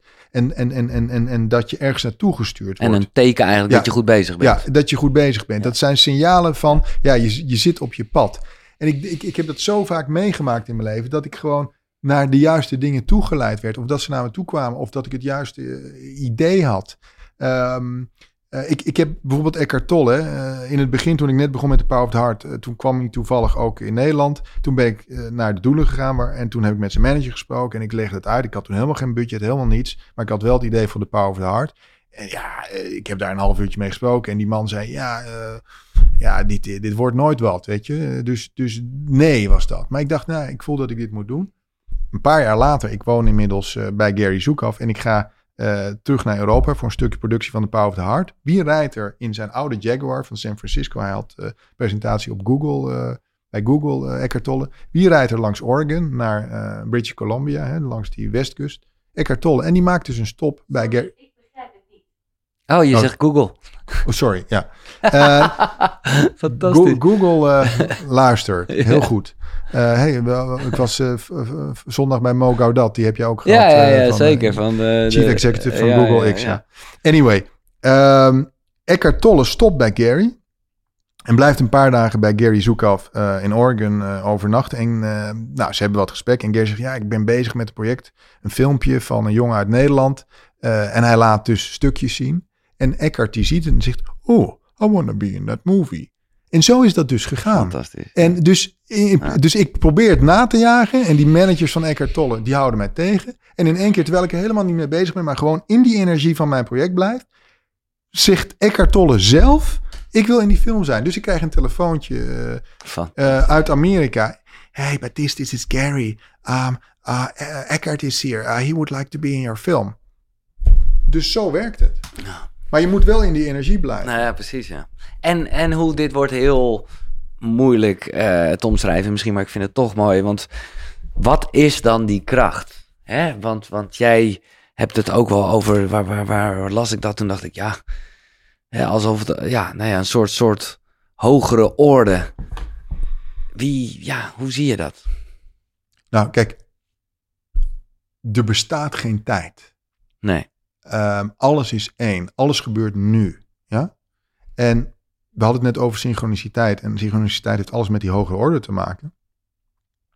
Als je bent afgestemd op die energie, dan zie je constant die synchroniciteiten. Dus Giel, er vinden constant synchroniciteiten plaats. Mhm. Maar als jij dus niet op die energie bent afgestemd, zie je ze niet. Dus dan is je timing helemaal af. En het, het geheim van succes is timing. Ja. Ja? De meeste mensen die succesvol zijn, are unconsciously competent. Dus ze weten niet waarom ze succesvol zijn. Want je, kan zeggen, oh, eh, persoon A is succesvol, die is eh, heel succesvol geworden. Die ga ik kopiëren. Hè? Eh, Tony Robbins noemt dat neurolinguistisch Een programmeren. beetje modeling. Dat, Zo meer, kijk, Ja. dit is zo belangrijk, Giel. Je kan niet iemand kopiëren. Weet je waarom? Omdat iedereen een eigen soul signature heeft. Ja? Jij moet doen wat jij doet. Dus Mark Niepo zegt in The Power of the Heart... a fish cannot drown in water and a bird cannot fly in the sky. Dus een vis moet zwemmen en een, een, een vogel moet vliegen. Ja? Jij moet doen wat de soul signature van Giel Belen wil. Ja. Dus jij hebt je eigen Ja. imprint. Ja? Ja. Baptiste moet zijn soul signature vinden. Niet die van eh, Tony Robbins of Deepak Chopra of Giel Belen. Nee. Ik moet, ik moet eh, mijn bloed eh, soul signature worden. kan je en- wel laten inspireren Ja, je kan je wel hè? inspireren Ja. en uitwisselen. Ja. En, en Mark Nieper zegt dat heel mooi, hè? We're all just walking each other home and we are comparing notes. Hè? Dus we zijn aan het vergelijken met elkaar. Van, hé, wat doe jij? Ik doe dit. Dat is waar, waar deze podcast om draait. Maar wat heel belangrijk is, is dat jij, wanneer je gaat afstemmen op die ziel, dan zul je zien dat die ziel intenties heeft. En dat is jouw soul signature. Die intenties van die ziel. Ja? Dus Oprah is niet eh Oprah geworden door boeken te schrijven. Nee, door die talkshow te doen. Oprah wist als kind al, en er werd haar gevraagd als kind. Wayne Dyer heeft daar een hele, heel mooi verhaal over gehouden. Als kind werd aan Oprah gevraagd, ja, wat doe je het liefste? Ja, met mensen praten. En toen zei die persoon, ja, daar ga je nooit je geld mee verdienen. Nee. J.K. Rowling wist als kind al dat ze schrijver wilde worden. En ze zeiden, ja, maar als boekenschrijver, Paulo Coelho ook. Ja. Als je weet waar die doorheen is gegaan. Hè? Ja. Die, die, is, die is door zijn ouders in een, in een gesticht gestopt. En ze hebben hem allerlei elektromag- eh, elekt, eh, elektrobehandelingen gegeven en noem maar op. Maar die wist dat al. Dus die is toch trouw gebleven aan die ziel. En hij is super succesvol geworden. Maar die ziel weet dat. Wij weten eigenlijk als kind al wat we willen doen. En dan door de conditionering van dat onderwijs wordt het Bam. helemaal kapot gemaakt. Ja, weet je wat? Die, die, dat onderwijs, dat is niet bezig met wie je werkelijk bent. Eh, dat onderwijs is alleen maar bezig met het programmeren van het lineaire brein. That's it. Ik heb een paar dingen over die synchroniteit. Want jij hebt me het over eh, helpers. Ja. Hè, dus, en dat denk ik, nou, dat kennen Ja. we allemaal wel. Dat, Ja. zijn, dat zijn de mensen en de tekenen. Ehm, maar je maakt ook, en het is ook een beetje in leer manifesteren. En dat vind ik ook wel, het maakt het ook een soort spannend. Maar dat, dat je eigenlijk zegt van nou, misschien moet je dit niet tegen iedereen vertellen of zo. Je moet het een beetje voor jezelf houden. Want er zullen ook mensen zijn die Ja. zeggen, eh, wat ben je nou allemaal aan het doen? Ja. Eh, maar is het niet zo dat ook die negatieve dingen, of die negatieve mensen, of die dingen, dat kunnen toch ook de helpers zijn? Ja, eh, Anita Morjani zegt het heel mooi. Hè? Ze zegt, ik ben zo dankbaar voor die kanker. Want anders was ik niet gekomen waar ik gekomen ben. En ben- was ik geen spreker geworden. Dus zij zegt, alle tegenslagen in ons leven Ja. zijn een gift.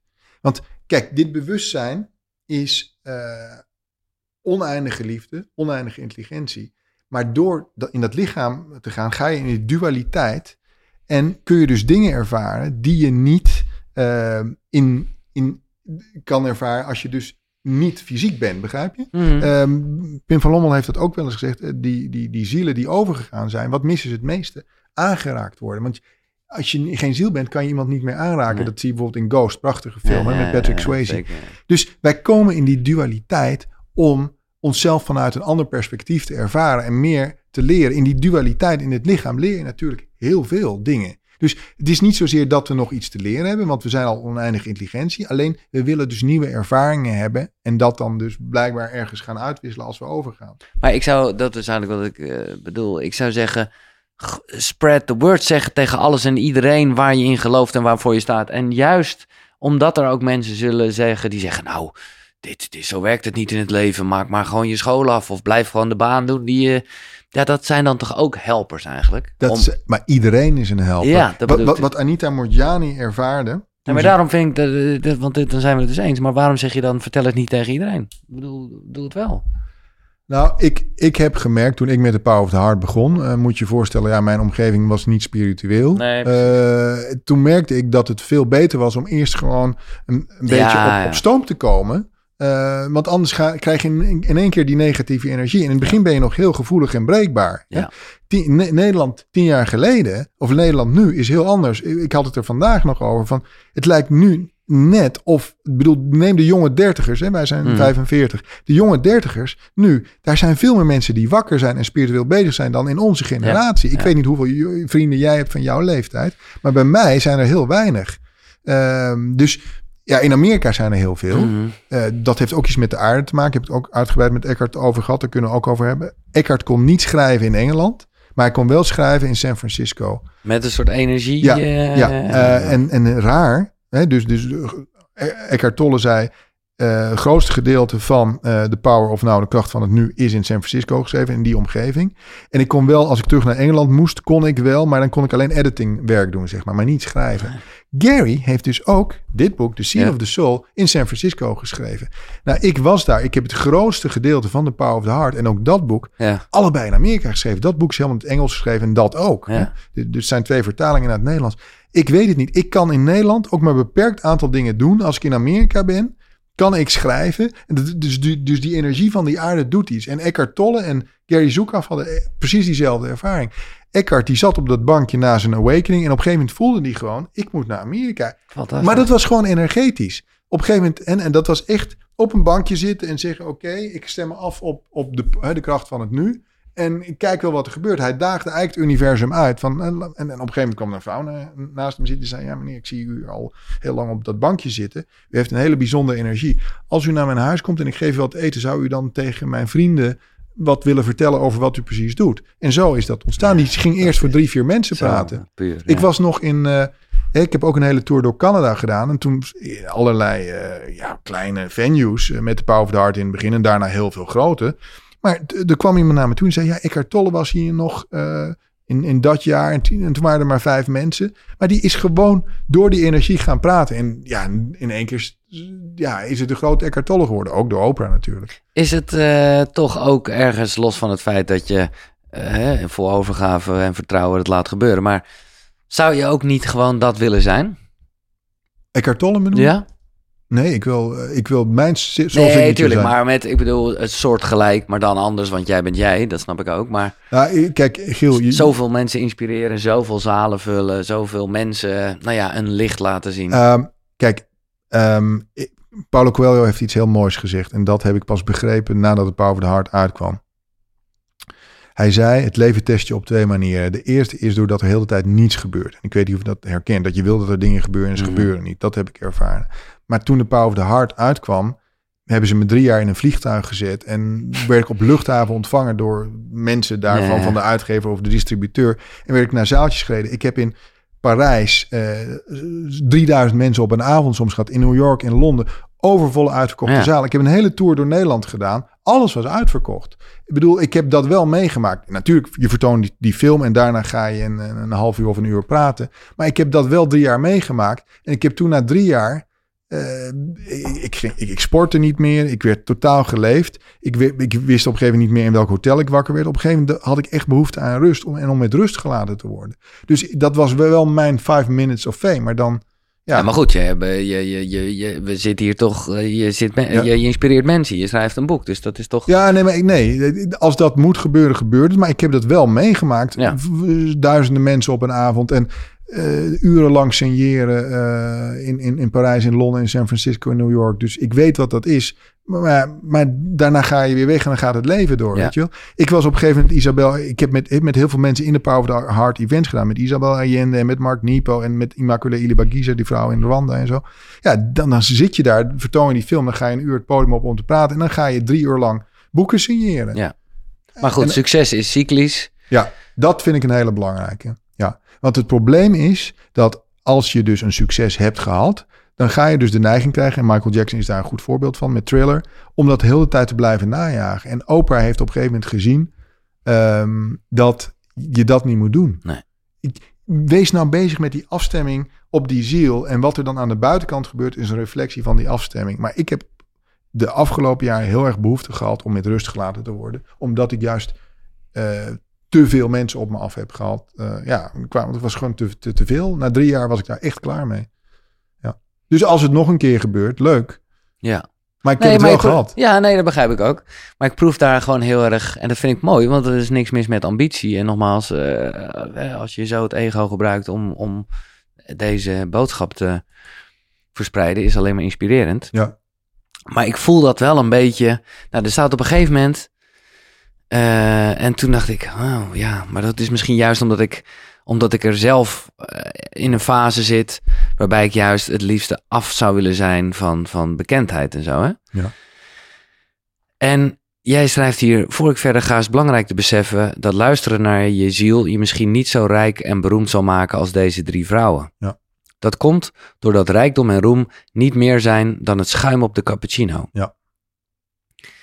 Ik heb hier een vraagteken bij gezet, omdat ja, je probeert het te downplayen, maar ik denk het schuim op de cappuccino is, is fucking belangrijk. Zonder, zonder, zonder, ik bedoel, een cappuccino zonder schuim. eh, Dus hier, hier spreekt eigenlijk heel erg uit dat jij toch wel heel erg dat rijkdom en roem toch een ding vindt.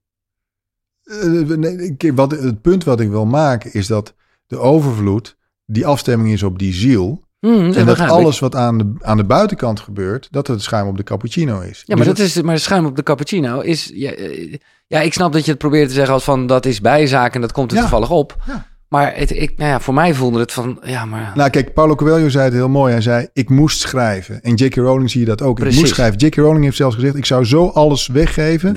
als om. ik maar weer een dag kon schrijven. Ja. Zij begrijpt ook niet dat niet iedereen wil schrijven. En daar heb je dus haar imprint en haar soul signature. Zij moet schrijven, dat is haar ziel. Ja. En, en, en- maar zij, zij was miljardair. Ze heeft een heel groot gedeelte aan liefdadigheid weggegeven. En dus ik denk, hè, Eckhart Tolle heeft het ook heel mooi gezegd. Op het moment dat je dus op die ziel eh, afstemt, dan gebeuren er dus allerlei dingen. Maar eh, ik, ik, ik, ik heb, ik heb de- nou, dit is eigenlijk een heel mooi verhaal. Je weet, ehm, de regisseur van The Power of the Heart is ook de regisseur van The Secret. Ja, Ja? Drew Harriet uit Australië. Nou, Secret, enorm succes geweest. Ook door Oprah Ja. opgepikt. En op een gegeven moment was je ik- was eerst met iemand anders bezig, maar Ja. jij dacht ik moet die gast hebben. Nee, en, dat liep eh, helemaal niet. Want nee. niemand in Amsterdam begreep wat we aan het doen waren. Nee. En ik dacht, op een gegeven moment is maar één man die dat begrijpt. Want ik wil dat de sprekers rechtstreeks in de camera spreken. En ik wil eigenlijk het format van de Secret. Maar dit moet over het hart gaan. Want de Secret gaat over eigenlijk manifesteren vanuit je persoonlijkheid. Ja. En dit gaat over manifesteren van het hart. Nou, Drew Harriet kwam naar Amsterdam. Nou, we hebben eh, tijdens die productie samen gewoond in Amsterdam. Dus ja, wij werden samen wakker en de hele dag samen aan de slag tot, tot twee uur in de nacht doorwerken. En je weet, misschien in filmproductie werk je heel hard eh, als je deadlines mhm. hebt. Anyway, eh, op een gegeven moment zei Drew iets tegen mij en ik dacht, wauw. Hè, want hij had de Secret gedaan, dus met al die mensen van de Secret gewerkt. En toen dus Power of the Heart. Maar ik had al die interviews gedaan, dus hij was het meer aan elkaar aan het editen en eh, de verhalen aan het verfilmen. Maar hij zei, Baptiste, ik werd vanochtend wakker en ik heb nu eh, zoveel aan dit project gewerkt, Power of the Heart. Maar ineens kom ik tot de conclusie dat de mensen van de Power of the Heart, dat die veel rijker zijn financieel dan de mensen in de Secret. En de mensen in The Secret praten over geld. En de mensen in The Power of the Heart praten over het volgen van hun hart. Fantastisch. Dus Overvloed. eh, Wat, ja. nee, dit, dit vind Ja. ik... Dus dat bevestigen. En eh, dus dat, dat was zo mooi. Want de Secret gaat echt wel over het aantrekken van ma- materiële zaken. Ja. Maar Maya Angelou, Paulo Coelho, Isabel Allende. Dat is financieel een hele andere Ja. categorie Ja. dan die mensen Nou, in dat is ook wat. Eckhart Tolle daarover Ja. zegt. Hè? Gewoon, je moet dat niet nastreven. Je moet het ook niet... ehm, je moet het wel toelaten, want, Ja. eh, want het... ja. Ja. Kijk, je moet er dan wel slim mee omgaan als het komt. Maar als het niet komt, stel nou dat Oprah maar 10 miljoen had verdiend, dan had ze nog een fantastisch leven Ja. gehad. En zij zegt ook, Exact. het gaat er niet over dat je miljonair wordt of dat je een heel groot plot platform hebt, zoals de Oprah Winfrey Show. Eh, hè, want dat is natuurlijk een gigantisch platform Mhm. geweest. Maar het gaat erom dat je naar die fluistering van die ziel luistert en dat je dat volgt. En dat kan zijn dat dat in jouw eh, klaslokaal is als, als, als juf. Begrijp Ja. je? Ik, ik heb eh, mijn, gara mijn, mijn, mijn garagist in, in, in, in België. Ik ga daar heel graag naartoe. Daar zit dus een mannetje onder die auto te sleutelen. Ja. En die is totaal zen. Dat is een Eckhart Tolle. Dat wil jij niet weten. Nee. Daar kom je er dus aan. En je wil, niemand wil daar weg. Want die man is, die, die, die, die houdt van wat hij doet.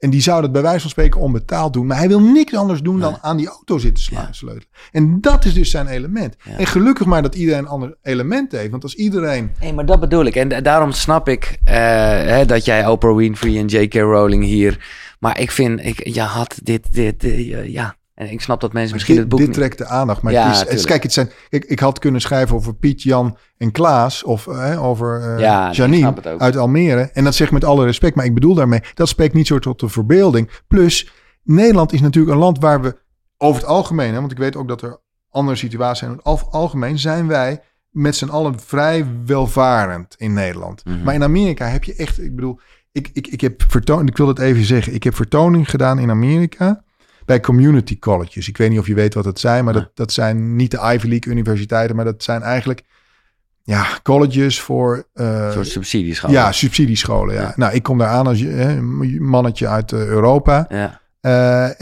en ehm, het eerste wat ze tegen me zei, nou, we gaan die vertoning doen voor die kids, want die hebben dit nodig. Het waren allemaal kinderen van hele moeilijke achtergronden en zo. En die zeiden, meneer, eh, u kan hier niet in zonder zware beveiliging. Dus ik ging in die scholen, in die colleges, hè, want dat zijn echt colleges, met zware beveiliging. Je wil niet weten wat dit losmaakte bij die mensen. En ik heb daar dingen gezien, dat kan je niet vertalen naar Nederland. Ja, je kan wel naar de Bijlmer gaan of naar bepaalde gebieden, maar toch is dat nog altijd veel beter dan in, in de verkeerde...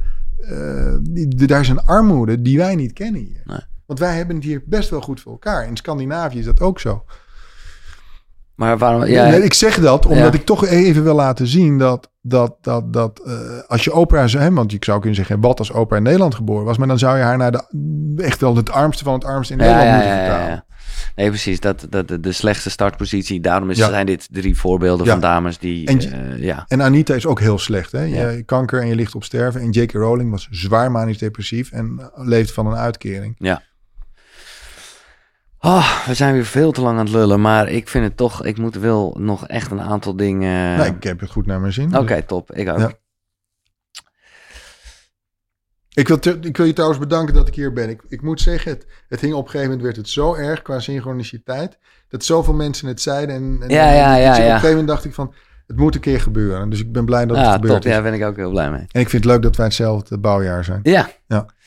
Intentie is oorzaak en gevolg. Dus eh, ook weer van Gary. En ja, je ziet, eh, ik, heb veel van Gary geleerd. Maar intentie is de energy that infuses your actions. Dus intentie is de energie die eh, bepaalt hoe je, hoe je acties eigenlijk uit, uit, uitpakken. Ja? Ehm, als jij iets doet vanuit een zuivere intentie, dus vanuit je ziel, dan zit daar een hele andere energie achter. En hij zegt, de oorzaak is het gevolg.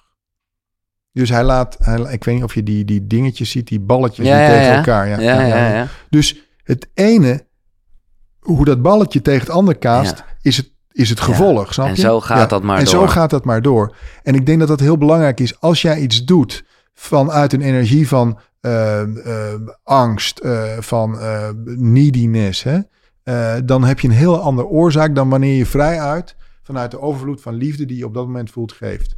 Dat probeer ik daar duidelijk te maken. En je ziet dat J.K. Rowling, die, die, toen ze dat idee kreeg, die download van Harry Potter, dat was zoveel energie. Dat was hè, verliefd worden. En ze moest die energie volgen. Uh, Oprah wist dat ze met mensen moest praten. Jij doet dit ook. Jij doet dit vanuit liefde. Anders hou je dit niet vol en blijf je dit niet doen. Er is een energie die jou stuurt om dit te doen. Ja? En uh, of je hier nou voor betaald wordt, of veel betaald wordt of niet, dit wil jij doen. Ja. Dat is jouw imprint.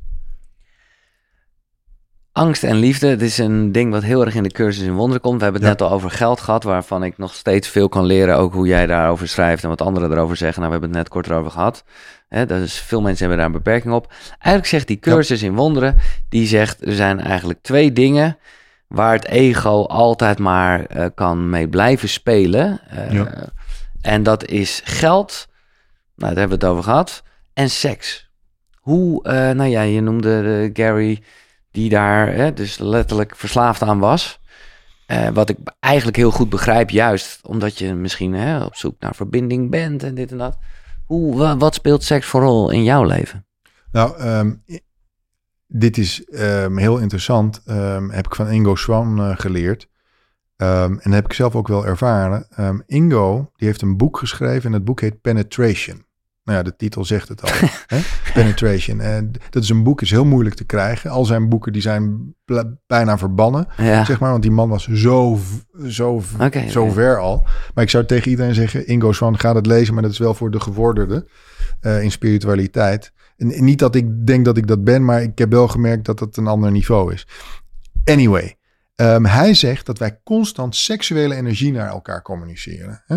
Uh, maar hij zegt ook dat wij constant Um, we're constantly leaking out intuitive information. Nou, ik ga een voorbeeld geven. Jij hebt bijvoorbeeld een lang telefoongesprek met iemand en ondertussen zit je met een pennetje wat te tekenen.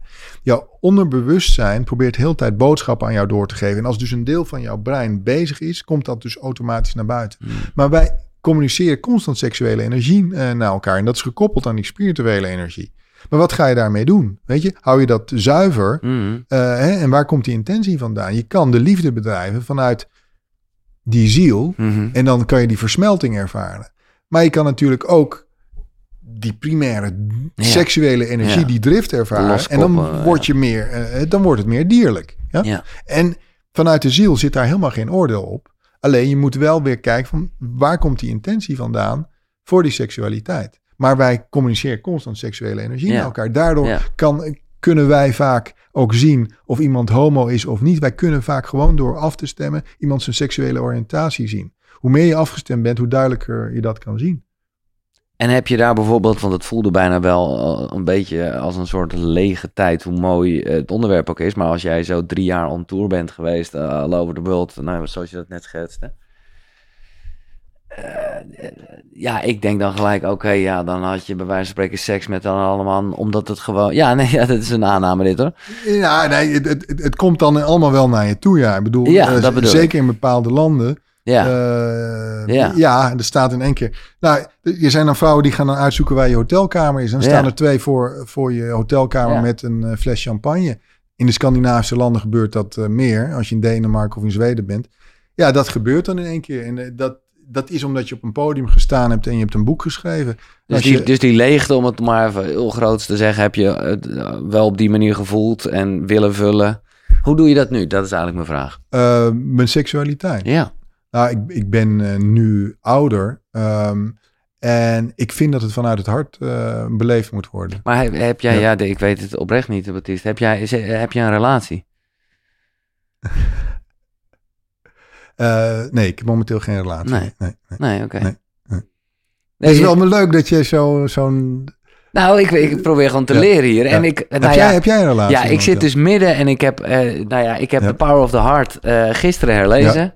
Omdat ik gewoon dacht, ik ga jou spreken. Ja. En ik, Ja. heb, hè, ik zit volop in de liefde. Maar echt ook. En toen eh, heb ik daar weer iets uitgehaald. Wat, Ja. nou ja, dat is dan eh, zoals je eigenlijk boeken dus vaker kan lezen. En dat vond ik heel mooi. Wie zegt dat nou? Dat gaat over eh, verschillende vormen van liefde. Ja. En toen dacht ik ineens, oh wauw, het is nu voor het eerst dat ik daar in een andere... Weet je nog wie ik bedoel? Wie, wie, wie zegt dat nou? Dat er vier soorten van liefde zijn. Ehm, Ehm, Ja, dit is natuurlijk voor jou ook uh, lang geleden. Dus een tijdje geleden. Maar ik denk dat Oh, dat ja. waarschijnlijk John Gray is. Nee, John eh, Gray is de Marcy Shimoff. Marcy Shimoff, ja. Shimoff. Ja, ja.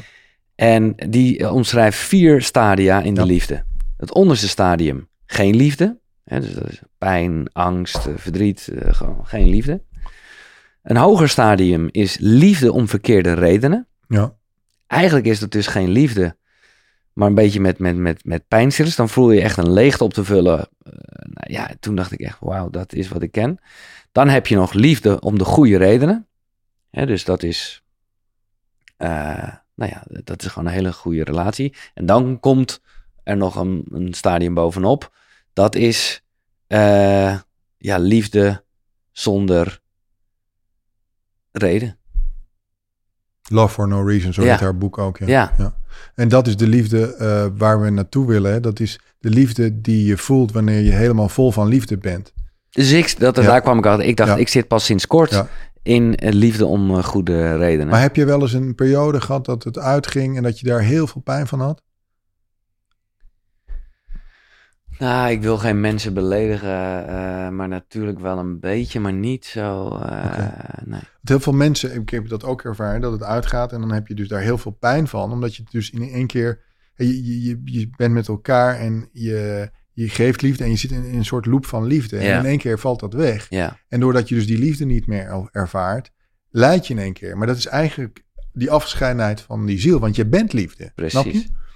Maar dat Eh, is wat jij al ja. eerder zei en ik voelde dat heel erg. Dat je pas, ik bedoel, je hebt pas wat te geven als je, Ja. eh, ja, verbinding Ja. met jezelf is verbinding met anderen. Ja. En, en, en- Nou, toen Swami binnenkwam, en we hadden het net even over Swami Oh ja, die er net ja, is. Ja, dat was li- liefde op het eerste gezicht had ik met hem. ja, Die, want die jongen zit echt wel in liefde, dat voel je, weet je wel. Eh, en hij heeft zijn eigen techniek om daarop af te stemmen. Maar toen wij elkaar zagen, was gewoon ja, liefde Ja. op het eerste gezicht. En wij zijn, ik, tenminste, ik ben hetero. Ja. Ik neem aan, hij is celibatair, dus dat, dat kan. Maar, maar ehm, dat, met, bij die jongen voel je dat heel erg. Ja. Ja. Ja, ja. Dus hij is daar echt mee bezig. Dat, dat voel je gewoon aan zijn energie. En zou je kinderen willen? Ik heb een zoon. Ja. Oh, oké. Eh, die woont in Frankrijk, zes jaar. Ja.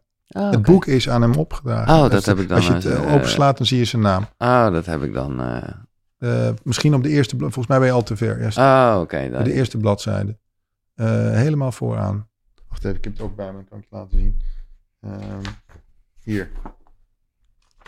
Oh ja, het staat echt gewoon in. Maar hey, de, in, in. Oh, dat, is, dat staat wel heel subtiel. Voor mijn zoon Nicolaas. Ja, ja. Ja, mooi. Ja. ja en dat, dat, heb jij kinderen of niet? Nee. Ja, dat, nee, ik ben er heel erg mee bezig. Vandaar ook dat ik deze vraag stel. dat is het mooiste wat er is. Het is een cliché, maar het is wel waar. Ja. Ik bedoel, je houdt altijd het meeste van je kinderen. Ja. Daar zou je je leven voor geven.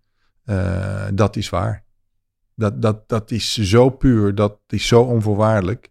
Eh, dus dat is, eh, ja, zo bijzonder. Die liefde voel ik voor niemand anders. Die zou ik eigenlijk ook voor mezelf moeten vo- vo- voelen. Ja. Maar, je, is maar houdt toch meer van je kind dan van jezelf. Ja? Ja, Ja, nee, ik, ik vind het een eerlijk antwoord. Ehm, ja, we gaan gewoon een andere keer misschien nog doorpraten, Baptiste. Oké. Ik hoop dat je, want, want, want ik weet niet hoe, la- hoe lang we Ja, het is, heb. Ik heb geen idee. het is al te lang. En ik, weet, ik weet dan gewoon dat er minder mensen het luisteren. En dat zou ik zonde vinden, want Ja. het is gewoon zo, eh, zo mooi. En ik heb er nog vragen van luisteraars, eh, maar die heb ik al. Of nou, Mirjam heeft nog de vraag: vallen veel mensen niet door de mand als je manifesteert wat je bent en niet per se wat je wil? Ik snap de vraag niet. ik snap de vraag ook niet. Ehm, ik, eh, nogmaals, je manifesteert ehm, als je afgestemd bent op je ziel, Ja. wat je ziel wilt en alles wat bij je hoort komt dan moeiteloos naar je toe. Dat betekent niet dat je geen uitdaging hebt, maar dat zijn dan weer geschenken. Maar alles is erop gericht om je meer af te stemmen op je ziel. Ook de uitdagingen die je krijgt. Je best doen is al een belang op zich. Een beloning op zich, sorry, ik kan mij gaan trainen. Ehm, Je best doen is al een beloning op zich. heb ik dat geschreven? Ja. eh? Dat vond ik mooi. Ehm, nou, wat ik ervaarde toen ik dat dit boek schreef en ook The Power of the Heart, Ja. gewoon met dat project bezig zijn. Ik, ik ging daar zo in op en ik was zo in het nu en ik, ik voelde zoveel liefde om daarmee bezig te zijn, dat dat al, dan ben je dus niet meer bezig met de effecten of de, gevolgen. Nou ja, dat, Dus, maar dat heb je toch ook als dat je iets doet. heel. Ja, nee, als je eh, iets doet waar je van houdt, ben je toch niet mee bezig hoeveel staat er op mijn bankrekening? nee, of, nee, dat is en, en dat klinkt, want Oprah zegt dat ook in het boek. Ze zegt, ja, mensen geloven het niet, maar als je vindt waar je van houdt en je doet dat, dan, wordt voor, dan valt al het andere op zijn plek en komt het andere naar je toe. Alleen, ja, de ene wordt miljardair, en, maar de ander heeft dan ook een goed leven. Paulo Mm. Coelho zei, als ik had geschreven en ik had maar eh, weinig boeken verkocht, was ik nog gaan Ja, schrijven. nee, maar dat ken ik natuurlijk heel erg. Vincent van Gogh, zo'n goed voorbeeld. Denk je niet dat hij niet zijn blueprint eh, geleefd heeft? Nee, heeft Vincent van Gogh in bittere armoede geleefd? Ja. Heeft hij fantastische kunst gemaakt? Ja. Oké, dat is een andere discussie. Heel kort wil ik dat even zeggen, want ik ken zoveel spirituele mensen die een probleem hebben met, met het financiële stuk, Mhm. maar wel op hun pad zitten, heel goed weten wat ze willen doen. Ik denk dat dat, eh, en dat, dat schrijf ik ook over in het boek, maar daar ben ik ook steeds mee mee bezig, met programma's in ons onbewustzijn te maken heeft op geld. Absolutely. En dat is heel belangrijk, want er zijn zoveel mensen in die spirituele wereld die echt wel op hun pad zitten, maar die hebben een blokkade op geld en het zijn negatieve programma's. Eh, ik ben daar ook steeds meer mee gaan werken met mensen van, eh, hè, want ze vragen dan hoe kan het dan? Ik zit op mijn pad, maar dat geld dat stroomt niet. Nou, dan ga ik daar ook wel mee aan de slag. En nogmaals, ik heb nooit de bedoeling gehad om mensen te gaan helpen, maar dat is dan wel gebeurd omdat je natuurlijk wat, wat zichtbaarder bent. Ja, dat is ook... eh, wat, zijn er nog mensen die je echt heel graag zou willen interviewen slash ontmoeten? Ehm, ik, had, ik heb Wayne Dyer kort ontmoet, die had ik graag willen interviewen. Eh, John Lennon eh, ben ik een hele grote eh, fan van. Die is er ook niet meer. Ja, Jim Morrison, ja, die is maar 27 geworden. Maar ik, nu vertel ik dus, praat ik dus over mensen die er niet meer zijn, maar Ja. mensen die er nog wel zijn. het was toch leuk geweest als je Oprah nou echt ja, even eigenlijk, ja, nee, Oprah zelf. Ik heb ik bij Oprah, Gary sprak dan met Ja. Oprah en dan moest ik daarbij zitten, maar wel mijn mond houden, want het was wel, ja, ja, was ja. gewoon, hè, eh, ik, ik mocht dan, hey, hallo, Baptiste uit Denemarken. Maar door haar heb je dan wel weer Maya Angelou. Ja, door eh, haar heb ik Maya Angelou. ehm, Ja. eh, hè, maar ehm, eh, Oprah zou ik heel graag willen interviewen. En J.K. Rowling ook. Eh, Anita Morjani heb ik ontmoet eh, twee keer. Alleen niet kunnen eh, interviewen. Was ook niet, stond toen ook niet op mijn verlanglijstje om te doen. Maar ja, ik zou Oprah en J.K. Rowling graag een keer willen interviewen. Ja. Die, die heb ik ook beide geprobeerd voor de Power of the Heart. Maar dat wilde Oprah niet doen. En Nee. J.K. Rowling, eh, haar mensen hebben toen ook eh, nee gezegd. Ehm, dus die twee. Dus waarschijnlijk heb ik daar een boek over geschreven. Ja, Uh, omdat ik zich uh, dat ja, is, uh, toch wel, ja, dat ik, is, ja, hun leven is heel erg interessant vind. Ja. nou ja, dat heb je een soort van gemanifesteerd. En het klinkt misschien heel raar, maar ik merkte op een gegeven moment de laatste tijd was een hele sterke energie van, ja, ik wil nu Giel ontmoeten. Hey, dus dat is het gebeurd. Dat dus dan, raar, ja. maar dat was als er dan één persoon was die ik wilde ontmoeten. Maar begrijp je een beetje als ik jou met Napoleon Hill vergelijk? Met, met gewoon die mensen allemaal interviewen. Dat is wel... Uh... Ja, dat, dat begrijp ik heel goed. En, en ik, dit, het, het raar is, je leert juist heel veel van die mensen. Ja. Want kijk, Ja. de, even heel belangrijk. Al die mensen wilden eigenlijk eerst allemaal in dat keurslijf. Hè. Ze hadden ook een lineaire uh, opleiding gehad. En dan komt er een grote crisis in hun leven. En dan werkt dus alles wat ze geleerd hebben, werkt niet meer. En dan moeten ze dus uit een ander vaatje tappen. En dat wordt dus dan die intuïtie mm. en die ziel. Dat zie je bij Paulo Coelho, bij Maya Angelou, bij Isabel Allende, bij die vrouw in Rwanda. Je hebt die film Ja. gezien, Power of the Heart. Ja. Maar ook bij Oprah en J.K. Rowling. Dat zijn allemaal... Ik wilde ook uh, gewoon normaal zijn. Ik, ik, ik heb altijd gebeden, waarom kan ik niet normaal zijn? Waarom kan ik niet zo... Hè, als mijn vrienden een baan op de Zuidas hebben en in die, in die file staan. Ik heb gebeden om normaal te zijn, maar mijn ziel kan het niet. Dus die ziel ging mij saboteren. Zolang je niet je ziel volgt, dan blijft je leven gesaboteerd worden.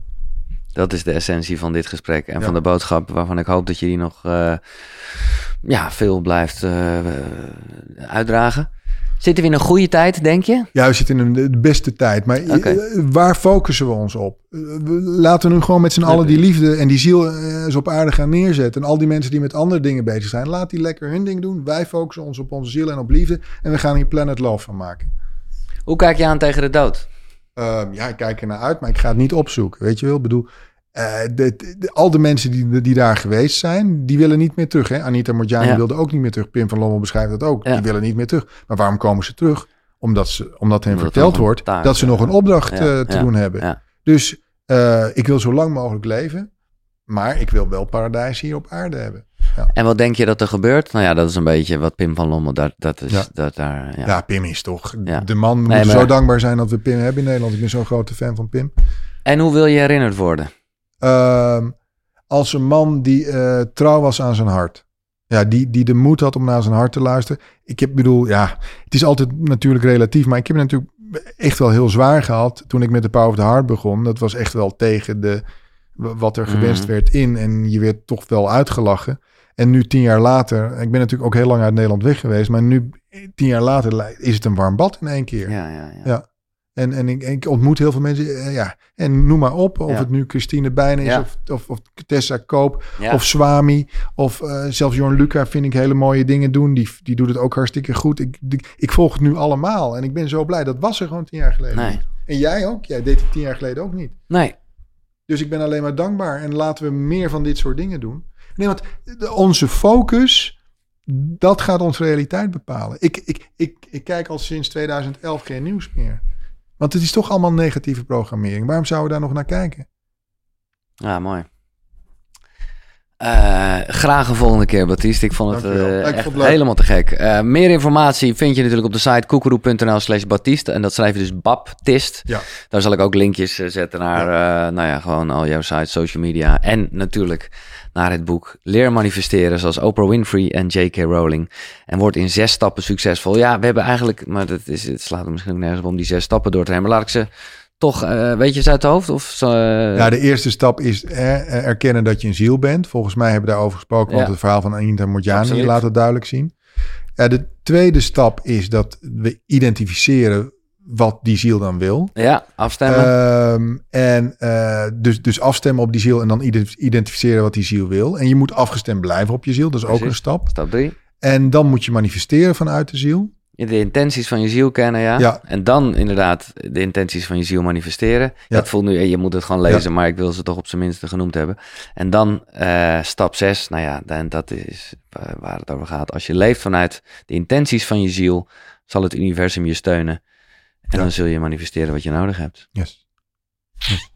En als je dat doet en je gebruikt dan ook nog, hè, dus je, je vindt de intenties van je ziel en je gebruikt dan ook nog alle technieken van Joe Dispenza en Bruce Lipton, ja, dan word je unstoppable. Wat een kracht.